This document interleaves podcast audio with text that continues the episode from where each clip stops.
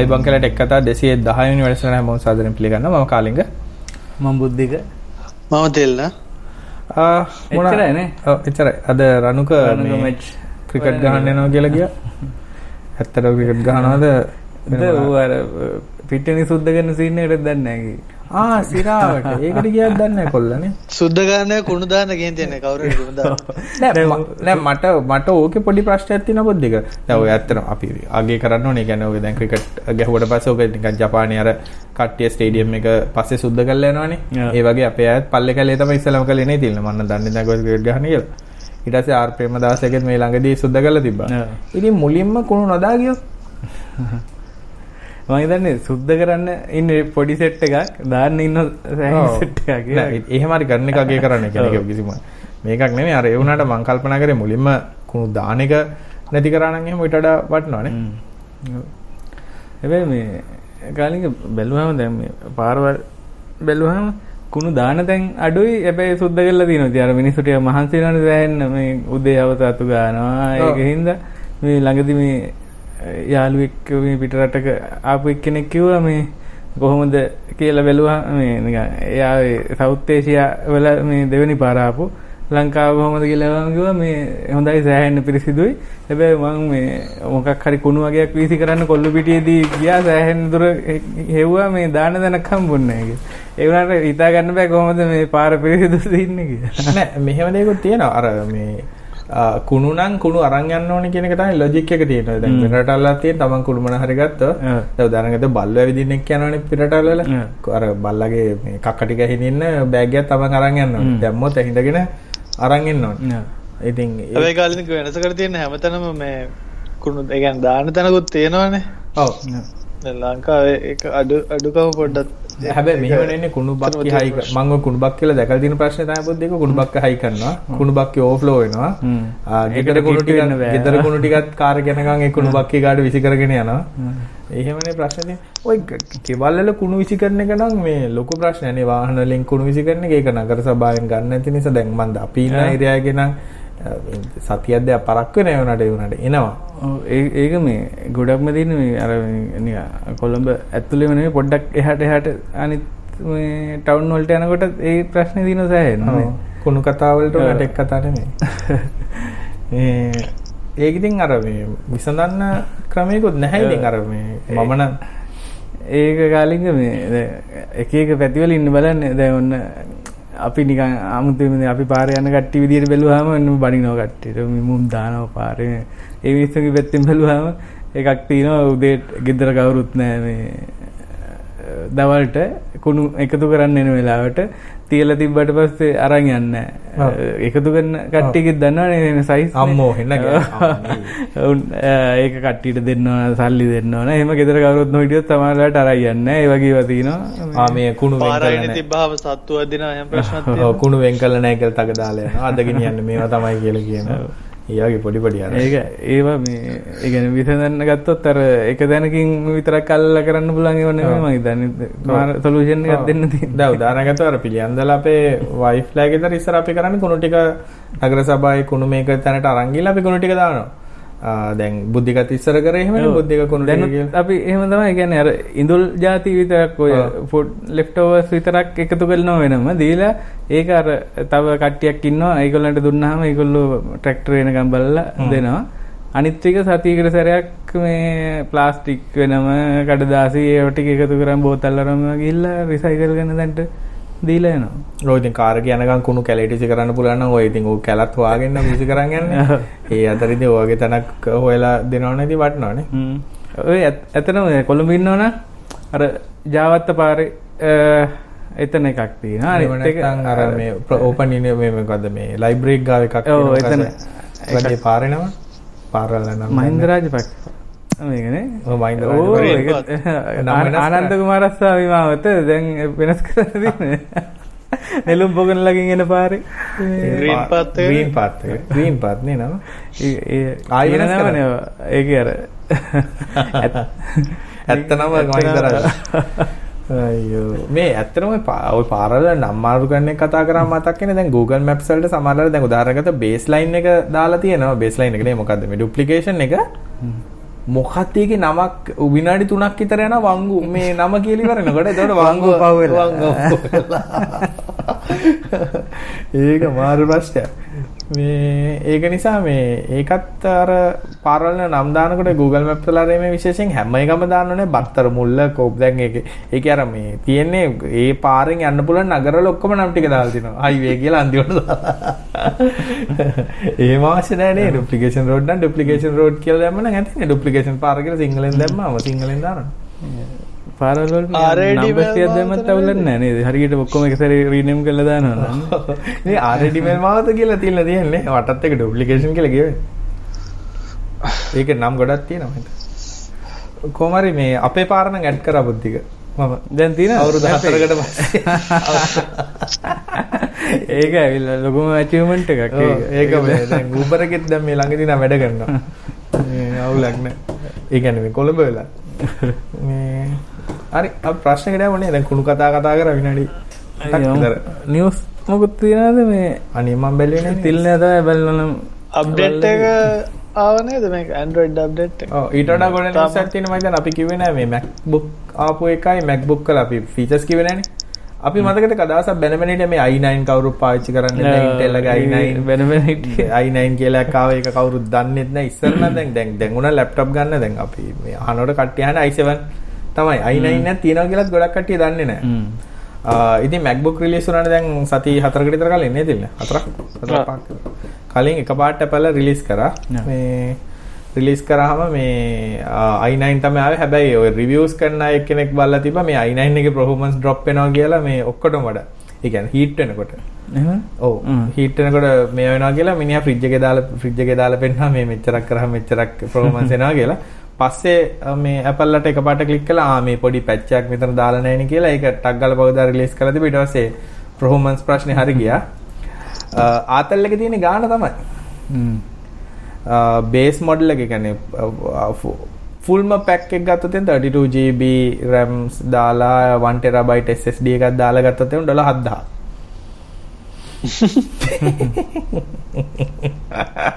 Lab එකක් හදාගන්න පුළුවන් කම්පියුටර්. මං හිතන්නේ ජීවිත කාලෙටම කම්පියුටර් අරන් තිබ්බෑ කියලා. ඊට පස්සේ සාමාන්‍ය අර උන්ගේ බේස් මොඩල් එක ගත්තොත් එම 3000 ගණන් නේ තිල්. එදස් නවසේ ගාන්ටත් එකක් තියෙන හැබැයි ඒක i9 නෙමෙයි. අයින ඉන්න ගෙනම ඔව්. මේ අලුත් සිරිස්සගේ අයි අයිෆයිද කොහෙද ඔව් ඉතින් වැඩක් නැහැ නේ i9 ඕනේ මං. අයිසවන අයිසවන් එක අලුත් series i9 එකක් එක්ක i7 එකක් ගන්න මම නම් මෙහෙම MacBook එකක් ගන්නවා නම් මගේ recommendation එක වෙන්නේ දැන් යන විදියට මේ 2015 එක තමයි මේ හැමෝම recommend කරන්න අර මේ retina display ආපු එක. ඊට පස්සේ අර අලුත් ආපු touch bar ඊළ පස්සේ generation ආපු touch bars ටික ඔක්කොම ආව. අර මේ keys එක ආපු එක. මේ මොකද අර කුණු කැල්ලක් හරි ගියොත් එහෙම keys ටික වැඩ කරන්නේ නැතුව යනවා. දැන් අලුත් මේ දැන් 2018 රිලීස් වෙච්ච සෙට් එකේ ඒගොල්ලෝ පොඩි membrane එකක් වගේ කී එක යටින් දාලා පොඩ්ඩක් හදලා තිනා අනිත් එක ගොඩක් අර ටයිප් කරන අය නම් කියනවා. ඒක ටයිපිනොත් අවුල් කියලා. මොකද මේ අර මේ කී ප්‍රෙස් එකේ යන ඇතුළට යන ප්‍රමාණය මදි කියලා කියන. ට්‍රැවල් වෙන්නේ නැහැ කියලා කී එක. ගොඩක් අය කම්ප්ලේන්ට් කරන හැබැයි ඒක දැන් හරි ගිහිල්ලා තියෙනවා මේ අලුතෙන් ආපු අර membrane එක දැම්මට පස්සේ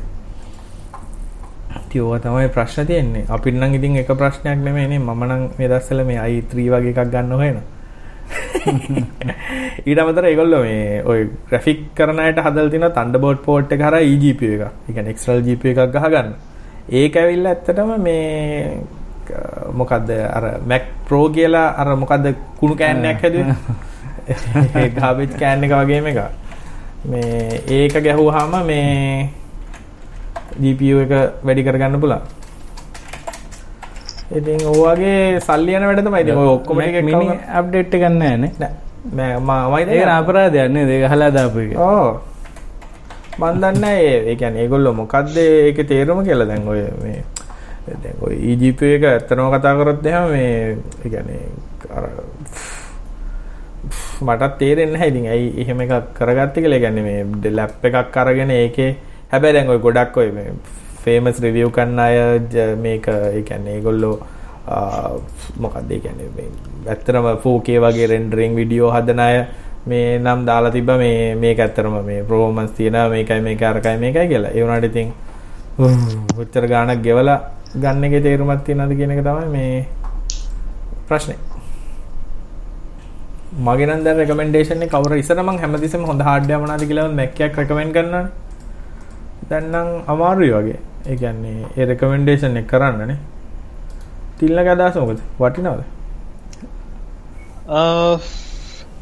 එමයි ඉතින් Mac එක software පැත්තෙන් හිතුවොත් ඉතින් එහෙම ගැන තමන් ලිමිටඩ් නම් software වලින් ඒක ගන්න ඉතින් Mac එකක් ගන්න වෙනවනේ.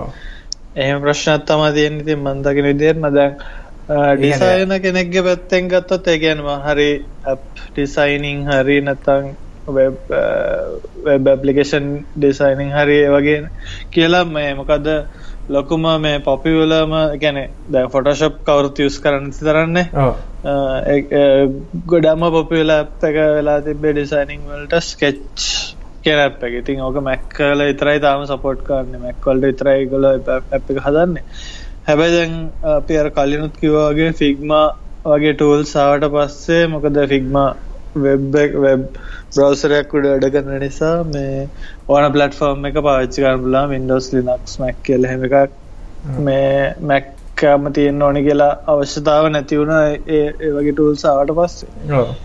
ඒක නිසා මම හිතන්නේ දැන් ඔප්ෂන්ස් ගොඩක් තියෙනවා මේ ඩෙවලොපර් කෙනෙක් වුණත් දැන් Mac එකට කැමති ගොඩක් වෙලාවට ටර්මිනල් සපෝට් එක. ඔය එක එක ස්පෙසිෆ් මේ ස්පෙසිෆික් ඇප්ස් ටිකක් මැක් එකේ විතරක් යන නිසානේ.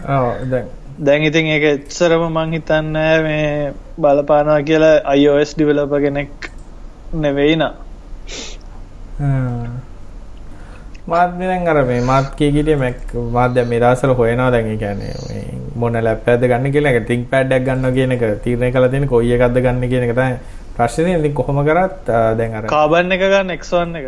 මං එච්චර ගානක් දීලා ගන්න මොලේ හොඳ නැහැ නෑගොද ඒ මහිතන්නේ එක මැක්ක එකට විදන් කරන්න අර නෑ නෑ. එච්චර විදන් කරන්න මගේ බජට්ට ඩොල දාහට දොල අටසියක් හත්සියක් තම අරක දෙදහක් විතරවාගෙන ඒකන එච්චර ගානක් දීලා එකක් ගන්න තේරු මන්න මට ෆෙස්බුක් යන්න.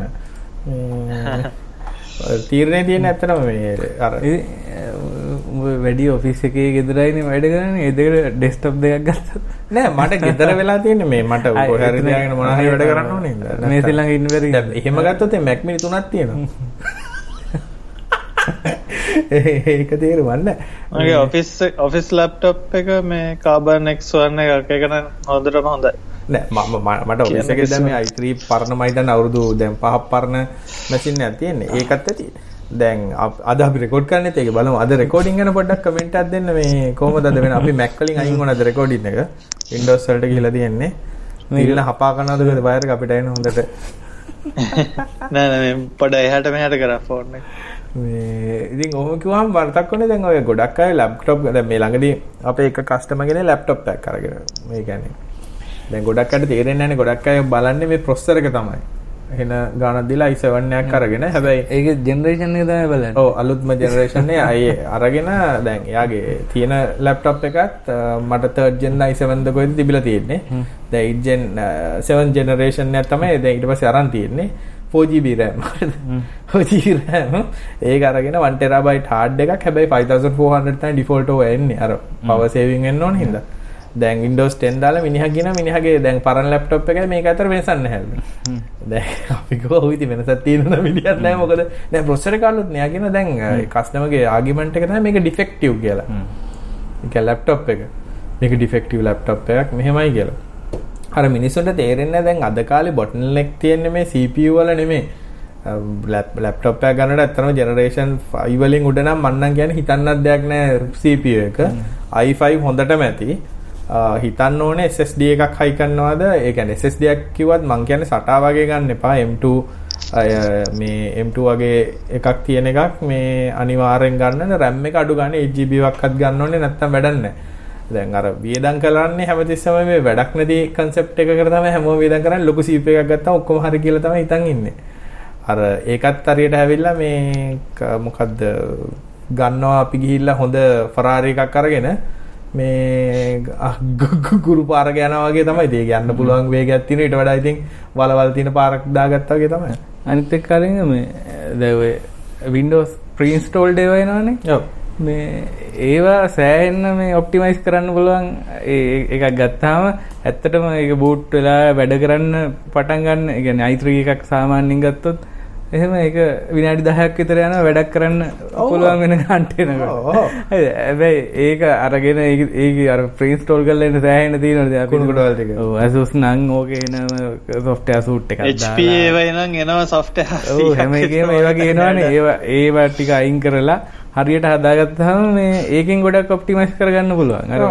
අර ගොඩක් අය ගත්තාම දැන් මුලින්ම කරන්නේ ප්‍රීන්ස්ටෝල් එකක් ගත්තාම ඕන් කරපු ගමන් මේ වැඩ කරන්න ඊට පස්සේ බලනවා. ඇන්ටිවයිරස් එකකුත් දානවා ඕක නෑ හොඳ සල්ලි දෙන 3000ක් විතර දීලා කැස්පෙච් කැරි මාකර් එකක් ඉන්ස්ටෝල් කරනවා එතකොට එපා වෙනවා. අර පරණ එක හොඳයි කියලා හිතෙනවා ඇත්තටම. ඒ වගේ එකක්.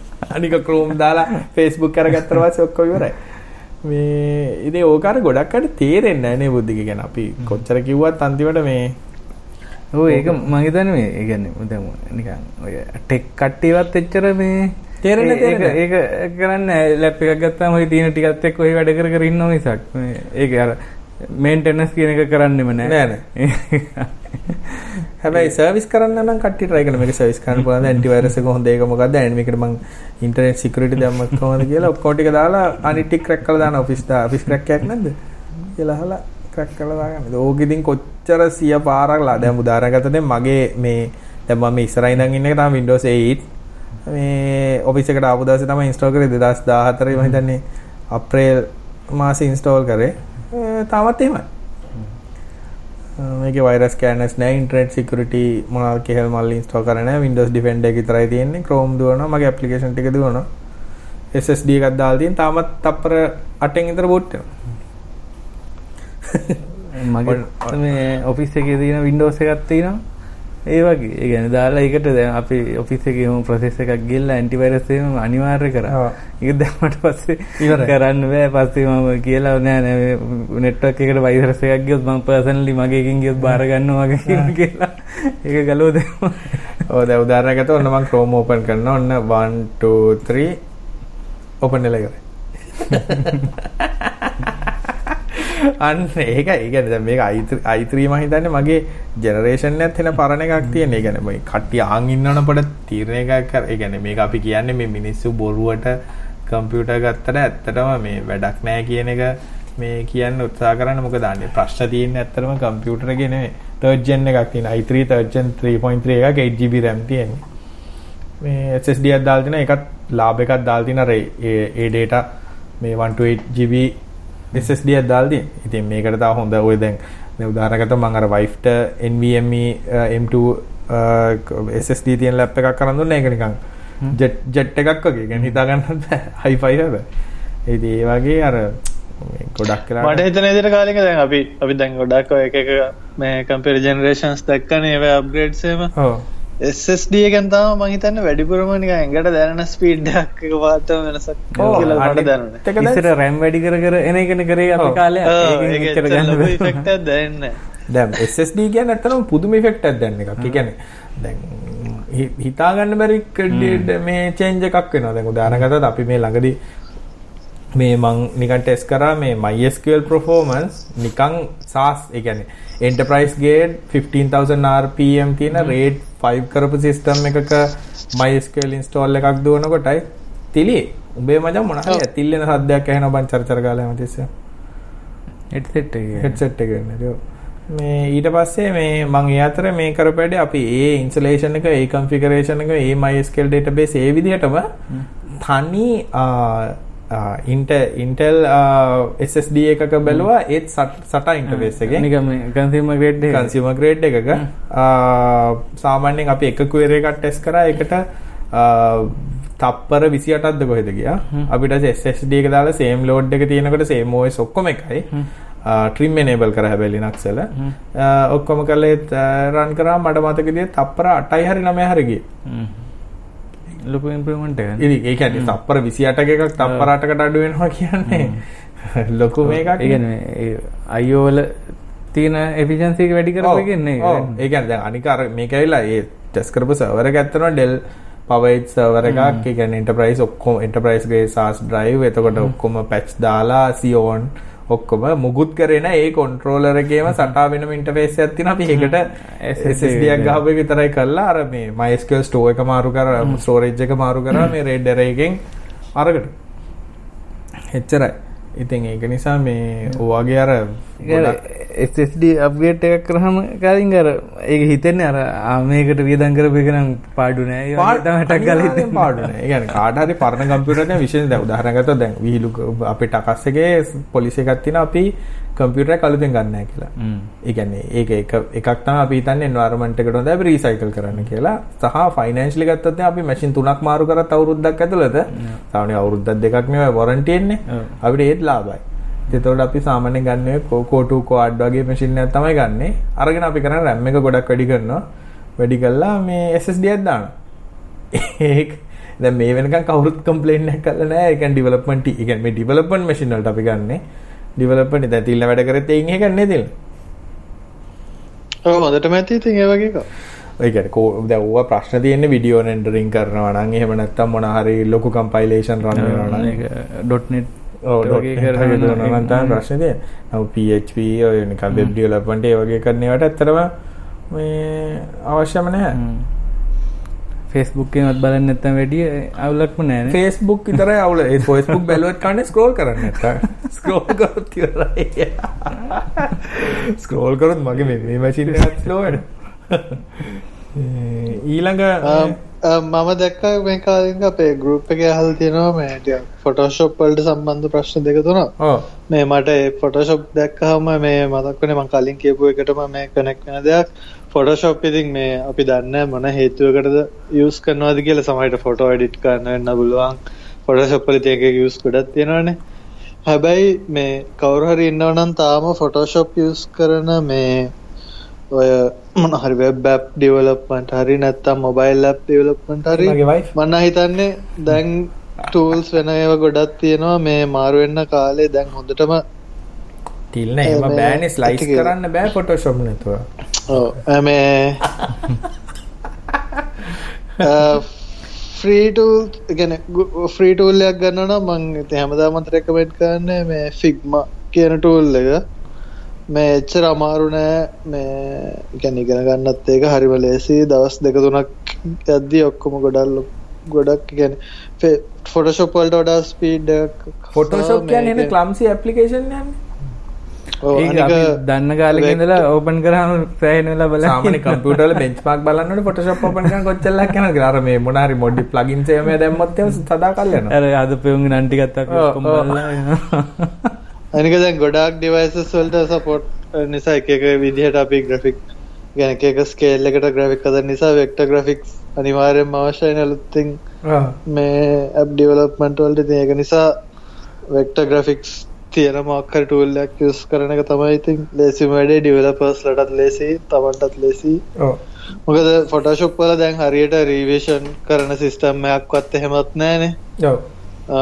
ද ෆික්මවල් නම් ඉතින් ඔක්කොම සේව් වෙනවා. එහෙම හිස්ටරි එක තියෙනවා. ස්කෙච් වලත් සදාද version 1 final final final final 1 final 2 අන්තිමට ගියාම ජිප් jeep jeep 1 jeep jeep jeep 2 jeep jeep මේ පොඩ්ඩක් අපි වෙබ් ඩෙවලොප්මන්ට් සයිකල් එක කතා කරමුද සාමාන්‍යයෙන් දැනට වෙබ් ඩෙවලොප් කරන අය කරන්නේ ෆොටෝෂොප් එක්කෙනෙක් ඉන්නවා ෆොටෝෂොප් වල ඩිසයින් එකක් අඳිනවා. ඇඳලා ෆොටෝ ටික දාලා ඉමේජ් එකක් හදනවා. ඊටත් කලින් සමහර වෙලාවට එනවා අර වයර් ෆ්‍රේම්ස් ගහගෙන එනවනේ කවුරු හරි නිකන් ඇඳගෙන බිස්නස් මේ ඒක තියෙන ඕන බිස්නස් ලොජික් ටික රික්වයර්මන්ට් ටික ගත්තට පස්සේ වයර් ෆ්‍රේම්ස් ගහලා හදාගන්න නිකන් මේ වගේ එකක් තමයි හැදෙන්න ඕන එහෙම කියලා. ඊළඟට ඩිසයින් එකට යනවා. ඩිසයින් එකට ඇවිල්ලා ඊට පස්සේ කරන්නේ ඩෙවලොපර්ට දෙනවා. මේක තමයි HTML කරන්න ඕනේ කියලා කන්වර්ට් කරන වෙනම දෙනවා. HTML කන්වර්ට් කරන එකට. ඌ කරන්නේ අරක Photoshop වල ආයෙ අරගෙන ස්ලයිස් කරනවා කියලා කපනවා HTML එකට ඔබන ලේසි විදිහට කපලා අර ඉමේජ් ටික ආයෙ ඔබන අර විදිහට ඔප්ටිමයිසේෂන් කිසිම අර ඔප්ටිමයිසේෂන් කරා කියලා හිතාගමු. දැන් ඔය ලයිෆ් සයිකල් එකෙන් අයින් වෙලා සිග්මා වලට යනකොට කොහොමද තිල්න? ගැන ගොඩම්ම ලොකු හෙල්ප එකක් තියෙන්නේ වෙක්ට ග්‍රෆික් එක වැඩ ගන්න නිසා මොකද අපිට ඕන ගානකට ස්කේල් කරගන්න පුළුවන් අනිත් එක තමයි මේ ඔය ගොඩක් ඒවගේ අලුත් ටූල්ස් වලින් පුළුවන් කෙලින්ම මේ අපිට වැලියුස් ටික හරියට එක්ස්පෝර්ට් කරගන්න අපේ මොක්කරි හදන දැන් iOS app එකක් හදනවා නම් අපිට හරියටම බලා ගන්න පුළුවන් මොන values අපි පාවිච්චි කරන්න ඕනේ. කියන්නේ ඩෙවලොපර්ට හරිම ලේසි මේ ඩිසයින් එක කන්වර්ට් කරන්න මේ ෆයිනල් කියන්නේ මේ අවශ්‍ය රිසල්ට් එක විදිහට.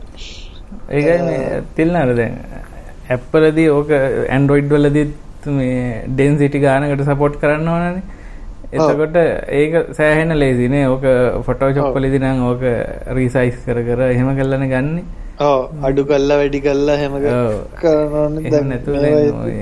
ස්කෙච්චල වගේ වුණත් වෙක්ට මේ එක පාර ඔක්කොම ඇසෙට්ස් ටික එක්ස්පෝට් කරගන්න පුළුවන් ටක් ගාල වගේ දෙවල්ති ගොඩක්ම ලේසි මේ ප්‍රශ්නකට යම අපි? දැන් මෙච්චර කාලයක් ඇදගෙන ගියා. පාකින් ටයිම එක එක්ස්පයන ඒ ඇත්තටම ඒ දැන් ඇප් එක පාවිච්චි කරන්න පුළුවන් ගන්න පාක් ස්මාර්ට් ඇප් එක. ඒ වගේ හැදෙනවා නම් හොඳයි ටික ටික ඔව් අනිවාර්යයෙන් ප්‍රශ්නයක් බලන්න කයින් බුද්ධික ප්‍රශ්නයක් මේ එක ප්‍රශ්නයක් අහලා දිගට හැබැයි උත්තරත් හම්බෙලා තියෙනවා. මේ කම්පියුටර් සයන්ස් කරන්න ඒ ලෙවල් වල රිසල්ට් කොහොම ඕනද කියලා මේ කට්ටිය ඒකට මේ ඒකට උත්තර දීලා තිබුණා උත්තර දීලා දිනුනා ඊට පස්සේ හර්ෂයාගේ අලුත් සින්දුව ගැනත් අහලා තියෙනවා ඒක. හර්ෂයාගේ මොන සින්දුවද අප්පා? ආන්න බලන්න. තිල්න ඇහුවද සින්දුව? හර්ෂයාගේ. අපි එක තහල්ලද ඌට එක තහන්න වගේ අපි අර උගේ සින්දුව අහන්න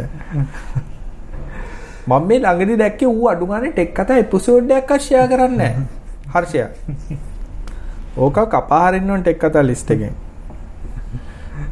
ඊළඟට මේ ආයකටත් උත්තර දීලා තියෙනවා. මේ ගැන කොහොමද කියලා අපි එපිසෝඩ් එක කතා කරට විස්තර ඇතුව. ඒක දාලා තිබුණා. ඊළඟට Google Docs ගැනයි වෙබ්සයිට් වන්ඩබිලිටි ගැනයි කතා කරන්න කියලා තියෙනවා. Google Docs? ඩෝට් අර පැරාමිටස් දීලා හොයාගන්න මේ සයිට් එක ඉන්ඩෙක්ස් වෙලා තියෙනවා කියලා. ඒක. සයිට් එක ඉන්ඩෙක්ස් වෙන්නේ නැතුව දැන් ඉන්නේ නෑනේ ඉස්සරනේ ඉස්සරනේ සබ්මිට් කරන්න ඕනේ කරන්න ඒක ඇත්තටම කාලින් අර දැන් ගොඩක් පාවිච්චි කරන දැන් අපි හිතන්නේ නැතුව මේ සයිට් එක ඉන්ඩෙක්ස් වෙන්න දෙනවනේ.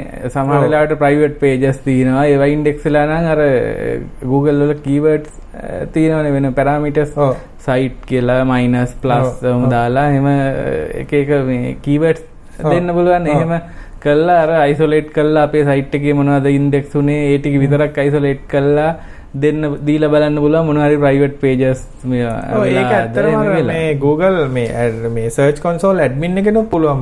ඒ කියන්නේ ඔයා මේ Google එකේ ඇඩ්මින් විදියට ලොග් වුණොත් එහෙම ඇත්තටම මේ එකක් සබ්මිට් කරලා සබ්මිට් කරලා ඇඩ්මින් එකට රෙජිස්ටර් කරලා ඇත්තටම මේක තමයි මන්නම් කියන්න හොඳ. එතකොට තමන්ගේ අර අපිට මේ බෙස්ට් ප්‍රැක්ටිසස් කතා කරන්න පුළුවන් නේද පොඩ්ඩක්. ඒ කියන්නේ දැන් අපි සාමාන්‍ය ප්‍රොඩක්ෂන් සයිට් එක කරන් එරර්ස් පෙන්නන්න නැති විදිහට අපිට සෙට් කරන්න පුළුවන්. ඒ වගේ දේවල් කරන්න පුළුවන් මේවා මේ වොයිඩ් කරන්න ගොඩක් වෙලාවට නේද? ඔව්. ඒ කියන්නේ සාමාන්‍යයෙන් නම් ගොඩක් ඒ කියන්නේ වෙබ්සයිට් එකක් ප්‍රශ්නලා තියෙන්නේ මේ අර අපි එක ඊයේ සතියේත් මම දැන් කතා කරා දුවන්නේ ප්‍රොඩක්ෂන් එන්වයරන්මන්ට් එකම ලයිව් එකට දාගෙන මේ එහෙමම දුවනවා. නැත්නම් අර ඇත්තටම කතා කතා කරොත් එහෙම ලයිව් ඩිප්ලොයිමන්ට් එකක් කියන්නේ සිකරිටි ටයිට් කරන්න ඕනේ බෙස් ප්‍රක්ටිසස් දැතිල්ලක වගේ දැන් PHP වගේ එකක් නම් PHP එර ඩිස්ප්ලේ කරනවා ඕෆ් කරන්න ඕනේ. ලොගින් ඩිසේබල් කරලා ලොග් ලෙවල් කරලා. චේන්ජ් කරලා අනික PHP සමහර එරර්ස් සමහර ස්ටැක් ට්‍රේස් එක ඒක තමයි දැන් ඔය ඩොක්ස් වලින් මේ ගොඩක්ම කරන්නේ ඒව හොයලා බලන එකනේ. දැන් MySQL එකක් එහෙම ආවත් ඔක්කොම ටේබල් නේම අරම ඔක්කොම පේනවනේ. ඒකට ඉතින් ලේසි කාට හරි මොකක් හරි ගේමක් දෙන්න ඔව් අනිත් එක දැන් ඊළඟ ප්‍රශ්නේ තමයි දැන් උදාහරණ ගත්තොත් දැන් අපි දැන් දැන් මේ PHP උදාහරණ ගත්තොත් ලේසියෙන් හැමෝටම ගොඩක් පාවිච්චි කරන හින්දා මේ දැන් PHP ඉන්ස්ටෝල් කරාම අවශ්‍ය මොඩියුල් මොනවාද අනවශ්‍ය මොඩියුල් මොනවාද ඒ කිසි දෙයක් කවුරුත් හිතන්නේ නැහැ. ඔක්කොම ටික ඉන්ස්ටෝල් කරනවා. ඊට පස්සේ Apache ගත්තොත් Apache වල මෝඩ් ඒ කියන්නේ මෝඩ්ස් ටික ඔක්කොම enable තියෙන්නේ. සාමාන්‍ය ප්‍රොඩක්ෂන් එන්වයරන්මන්ට් එක දානකොට කියන දෙයක් තමයි Tamanට අවශ්‍ය නැති කිසි දෙයක් ඉන්ස්ටෝල් කරන්න එපා කියලා. දැන් උදාහරණයක් ගත්තොත් මම දැකලා තියෙනවා මේ ප්‍රොඩක්ෂන් ලයිව් සර්වර්ස් වල X සර්වර්ස් ඉඳන් දුවන මේක වෙබ් සර්වර් එකක්. මේ UI ඉන්ස්ටෝල් කරලා Java ඉන්ස්ටෝල් කරලා ඒ කියන්නේ අනවශ්‍ය හැමදයම්මත් ඉන්ස්ටෝල් කරලා. සමල්ලට පින්ට සර්වසුත් දුවන එක්ලිප්සේ මද්දාලා ක්ලිප්ත් ඉන්ස්ටෝල් කරලා ඩිප්ලොයි කරන්න ඒකට අර ඒ වගේ ඒවා එකක් තමයි අපරාධ රිසෝසස් අනිත් එක අපි ඉන්ස්ටෝල් කරන හැම දෙයක්ම අපිතුම අපි PHP ලයිබ්‍රරියක් පාවිච්චි කරා එහෙම නැත්නම් මොකක් හරි වෙන වෙන මොකක් හරි අපිටම අඩු ගන්න අපිටම දැන් හැමෝම පාවිච්චි කරන එකක් මේ මොකක්ද මේ ජේකුරි ලයිබ්‍රරිය පාවිච්චි කරා කියලා. දැන් ජේකුරි ලයිබ්‍රරිය පාවිච්චි කරන ගොඩක් අය කරන දෙයක් තමයි ජේකුරි ලයිබ්‍රරිය ගන්න අර හෝස්ටඩ් තැනකින් තමයි. දැන් එතකොට අපි හිතන්න ඕනේ දැන් සමහර සිකියුරිටි ප්‍රශ්න දැන් අපි හිතමු ක්‍රිටිකල් බැංකින් ඇප්ලිකේෂන් එකක් හරි ෆයිනෑන්ෂල් ඇප්ලිකේෂන් එකක් අය කියලා. ඒ වගේ එකකට තර්ඩ් පාටි ඩොමේන් එකකින් මේ ජේකුරි ලයිබ්‍රරියක් වගේ ඉම්ප්ලිමන්ට් කරන එක හරි මෝඩ වැඩක්. ඒකට ඇටැක් එකක් කල්ලා දෙවුණුත් එහෙම අපි දන්නේම නැහැ ඉන්ජෙක්ට් වෙනවා ඉන්ජෙක්ට් වෙනවා ඒ වගේ ඒ කියන්නේ ඒක නිසා හැමතිස්සෙම තමන්ගේ රිසෝසස් හැමතිස්සෙම ලෝකලයිස් කරන්න. දැන් උදාහරණයක් ගත්තොත් අපි හදනවා කිව්ව ඉන්ටර්නෙට් ඉන්ටර්නෙට් එකට ඇප්ලිකේෂන් එකක් හදනවා කියමු. ඉන්ටර්නෙට් එකට ඇප්ලිකේෂන් එකක් හදනවා කියන්නේ ගොඩක් වෙලාට සිකියුර් වෙන්න ඕනේ. ඇතුලේ වැඩ කරන්න විතරයි තියෙන්නේ. ඒ වගේ වට අර රිමෝට් ලයිබ්‍රරිස් ඩිප්ලොයි කරන ඒවා ඊට පස්සේ අර තිල්න වගේ එරර් හැන්ඩ්ලින් ඉගැන් ඩිබක් මෝඩ්ඩල තියෙන සමාලට ගොඩක් කලට ලයිව පපලිකේෂන ඩිබක් මෝඩ්ඩල තියෙන්නේ අර ඒකයි දැන් අර ඩිවලොප්මන් එන්වර්මන්ට් එක දින ටූල් සරව මේවා ප්‍රොඩක්ෂන් සර්වර් එක ඉන්ස්ටෝල් කරනවා කියන්නෙම රිස්ක් එකක්. ඩිවලොප්මන් එන්වර්මන්ට් එකක් කියන්නේ ගොඩක් ට්‍රස් කරන ගන්නේ ඒකින්ද පෝට්ස් ගොඩක් ඒවා ඕපන් අනිත් වගේ ඩිබක් මෝඩ් තියන්නේ. ඊට පස්සේ පාස්වර්ඩ් පොලිසි වෙනස්. එහෙම ඒ වගේ එකක් ප්‍රොඩක්ෂන් එකට දානවා කියන්නෙම මේ මොනවා හරි කියන්නේ අපි හිතන්නෙත් නැති සමහර ඒවා ටිකක් නිකන් අඳුන්නලා දෙන සර්වර් එකට. උදාහරණ ගත්තොත් ඔය MS SQL database servers install කරොත් MySQL install කරොත් default database password විශේෂයෙන් MS SQL SA password එක. මේ ඒවා මේ ගොඩක් වෙලාට හැමදේම password protect කරලා ඔක්කොම කරලා default password එක password කියලා වගේ තියෙන. අනිත් එක ඊට පස්සේ අර database connectivity allow කරන්නේ remote connectivity allow කරලා තියෙන ඒවා. ඒවා අනිවාර්යෙන් ලෝකල් හෝස්ට් විතරක් අලව් කරලා තියෙන්න ඕනේ. ඒවා එක්ස්පෝස් කරන්න අර ගෑලියට. ඒ කියන්නේ සමහරවිට ගොඩාක් අය කරන එකක් තමයි දැන් උදාහරණයක් ගත්තොත් PHP myadmin එකක් වගේ ඉන්ස්ටෝල් කරලා තියෙන. එහෙම නැත්නම් MS SQL server එකේ port එක එළියට open කරලා තියෙන remote tool එකකින් log වෙලා අරග මැනේජ් කරන්න ඕන වෙන්න. එහෙම අවශ්‍යම නම් එක ක්‍රමයක් තමයි තමන් සිලෙක්ටඩ් IP එකකට විතරක් අලව් කරගන්න එක. එහෙම නැත්නම් VPN එකක් වගේ සෙට් කරලා කනෙක්ට් වෙන එක. ඉතින් ඔයගේ දැන් හැබැයි ඔය ඕවා ටිකක් ප්‍රශ්න විසඳෙනවා. දැන් ඔය ක්ලවුඩ් වගේ ඉම්ප්ලිමන්ට් කරාම මේ මොකද කන්ටේනර් එක ගොඩක් වෙලාට ප්‍රයිවට් නෙට්වර්ක් එකේ තියෙන හින්දා. හැබැයි ඉතින් ඒකත් ඉතින් අර ගොඩාක් අය කරන්නේ ඔහේ ෆෝවර්ඩ් කරලා දාන ඔක්කොම ටික. ඒකත් ඒකෙත් නිකන් පබ්ලික් පෝට් එකක් ඕපන් කරාම තේරුම් නැහැ ඉතින් කොහොමද තිබුණා. ඔව් ඉතින් ඒක නිසා අර මේ අර ගොඩාක් වෙලාට යූසර් මිස්ටේක් තමයි තියෙන්නේ. එහෙම නැත්නම් මම දැකලා තියෙනවා දැන් ෆයිල් ඔක්කොම කරලා මේ දැන් database connector එකයි අර මේ ෆයිල් ටික dbconfig.ini වගේ ෆයිල් එකක් හදලා දාලා තියෙනවා. ඉතින් ඒක එතකොට ඒක web accessible ඊට පස්සේ data save කරන දැන් මේ ළඟදී මම දැකපු එක දෙයක් තමයි ඒ ඒක මේ medical application එක මේ රිපෝට්ස් ටික ඔක්කොම මේ වෙබ් පාත් එකේ ෆෝල්ඩර් එක තමයි ඔක්කොම දාලා තියෙන්නේ. යූසර් අයිසොලේට් කරන්න නැතුව ඒක ඇත්තටම data store කරන්න ඒවා සාමාන්‍ය web root එකේ තියාගන්න නරකයි. කියන්නේ උදාහරණයක් ගත්තොත් සමහරවිට අපිට file එක generate කරලා store කරන්න වෙනවා. එහෙම නැත්නම් image එක generate කරන්න එහෙම නැත්නම් user file එකක් upload කරන්න store කරගන්න ඕනේ. ඒව කවදාකවත් web server එකේ root එකේ root එක කියලා කියන්නේ එළියට පේන පැත්තේ save කරන්නේ නැහැ කවදාකවත්. ඒක අනිවාර්යෙන් locally ඇතුලේ ෆෝල්ඩර් එක තමයි සේව් කරගන්න ඕනේ. ඊට පස්සේ ඒවා ඇක්සස් කරනවා. ගොඩක් වෙලාට ඔය දැන් ෆ්‍රේම්වර්ක් පාවිච්චි කරාම නම් ගොඩාක් වෙලාට ඔය ලොගින් ඔතෙන්ටිකේෂන් ප්‍රශ්න ටික ගොඩක් විසඳෙනවා. ඒ කියන්නේ දැන් මම දැකලා තියෙන සමහර අය ඇඩ්මින් දැන් මොකක් හරි ලොගින් එකක් හදලා ලොගින් එකේදී වැලිඩේට් කරලා ෆෝවර්ඩ් වෙන පේජ් එක තියෙනවානේ. ෆෝවර්ඩ් වෙන පේජ් එකේදී ලොගින් වෙලාද නැද්ද කියලා වැලිඩේට් කරන්න ඇත්තටම. ඒකට ආවනම් හරි කියලා ආවනම් හරි කියලා ඉතින් ඉන්නවා. ඒ වගේ අර පොඩි පොඩි මිස් වෙනවා. ඉතින් අර තිල්න ෆ්‍රේම්වර්ක් පාවිච්චි කරන් තිල්න ඕවා ටිකක් අර හැන්ඩල් වෙනවා නේද? ඒකයි ඔය අපහු මේ ලොගින් සිස්ටම් එකක් ඔය කියන එක ඉතින් ආපහු මුලින් ඉඳන් හදන්න මේ මැප් එකේම ඕනේ කියලා එහෙම රික්වයර්මන්ට් එකක් නැහැ නේ ඉතින්. ඒවට ඕනතරම් සොලියුෂන්ස් තියෙන නිසා ඒක පාවිච්චි කරන්න පුළුවන්. හැබැයි ඉතින් අර Microsoft template එකම දැම්මාම නම් මේ විකාර වෙන අවස්ථාවක් දෙනවා. මොනවාද බුද්ධික තව මට මිස් වෙච්ච මොන හරි තියෙනවා? තව කලින් Windows servers දානවා නම් අර harden කරනවා කියලා ඒක අර Microsoft ලගේමත් ටූල් එකක් ටූල් එකක් තියෙනවා. ඒව එක එක ලෙවල් වලට ඇප්ලයි කරන්න පුළුවන් එහෙම. ඒකද ඇත්තටම දැන් ඔය IIS උනත් මේ සෑහෙන කොම්පොනන්ට් ගොඩක් තියෙනවානේ අනවශ්‍යව. ඒවා ඩිසේබල් කල්ල දාලා සර්ව එක තියන ෆීචස් අදලා එහෙම මන් දැකල් තින ගොඩක් ගොඩක් බේසික් ලිනක්ස් කන්ෆි ගැන මේ සර්වස් වල එක ගැන බේසික් දෙවල් කරගන්න විදිහ තියෙනවා. මේ ඩිජිටල් ලෝෂන් ආටිකල්ස්ල්නේ මං කැමති ඒ ආටිකල්ස් හොඳට තියෙනවා ඩිජිටල් ලෝෂන් මාර නොලෙජ් බේස් එකක් තියෙනනේ දිල්න උන් අර ගැන කොහොමද ෆයවෝල් එකක් දාගන්නේ? කොහොමද අපාචි රන් කරන්නේ MySQL ඉන්ස්ටෝල් කරන්න පොඩි පොඩි ඒවායි ගොඩක් ඉන්ෆර්මේෂන් තියෙනවා ප්‍රයිඩර්ස්ල ගත්තොත් උන්ගේ ආටිකල්ස් තියන ගොල්ල පලට්ෆෝර්ම් එක මේක මෙහම කරන්න කොහමද? ඒවා ටිකන්න ඩිජිටල් ලෝෂන් ේමනේ නිකන් ජනරික් විදිට ලියලති නොහොඳට ඕකකවන් තාත්මතකන දව වින්ඩෝසත් කතා කරන ගොඩක් කලට වින්ඩෝසවල වෙලා තියෙන බුද්ධික වින්ඩෝස් ඇපලිකේෂන් ඩිවලප් කරන අය වින්ඩෝස් ඇපලිකේෂනයක් වෙබ් ඇපලිකේෂන ඩිප්ලෝයි කරන්න කොහොමද කියලා දන්න ඉතින් ඒක නිසා ගොඩක් අය කරන්නේ .net install කරනවා මේ කෙලින්ම ඒ dot ඒ කියන්නේ ඇත්තට මේ Visual Studio ම install කරගන්නවා server එකේ. ඊට පස්සේ code එක ඒකට copy කරලා ඒකේ run කරලා ඒකෙම ඉඳන් deploy කරන්නේ. එහෙම නැත්නම් අර මන් දැකලා තියෙන ඊළඟ සරක් ඒකේ අර ඒකේ server එක test server එකම run කරලා තියෙනවා. ඉතින් ඒ වගේ අර ඒ වගේ පොඩි පොඩි අර ගොඩක් වෙලාට වෙලා තියෙනවා අර DevOps කියන level එකට ගොඩාක් developers තාම නැහැ. ඒක නිසා අර ගොඩාක් වෙන්නේ එයා දන්නවා කෝඩ් එක ලියන්න එයා දන්නවා කෝඩ් එක මැෂින් එකේ රන් කරගන්න.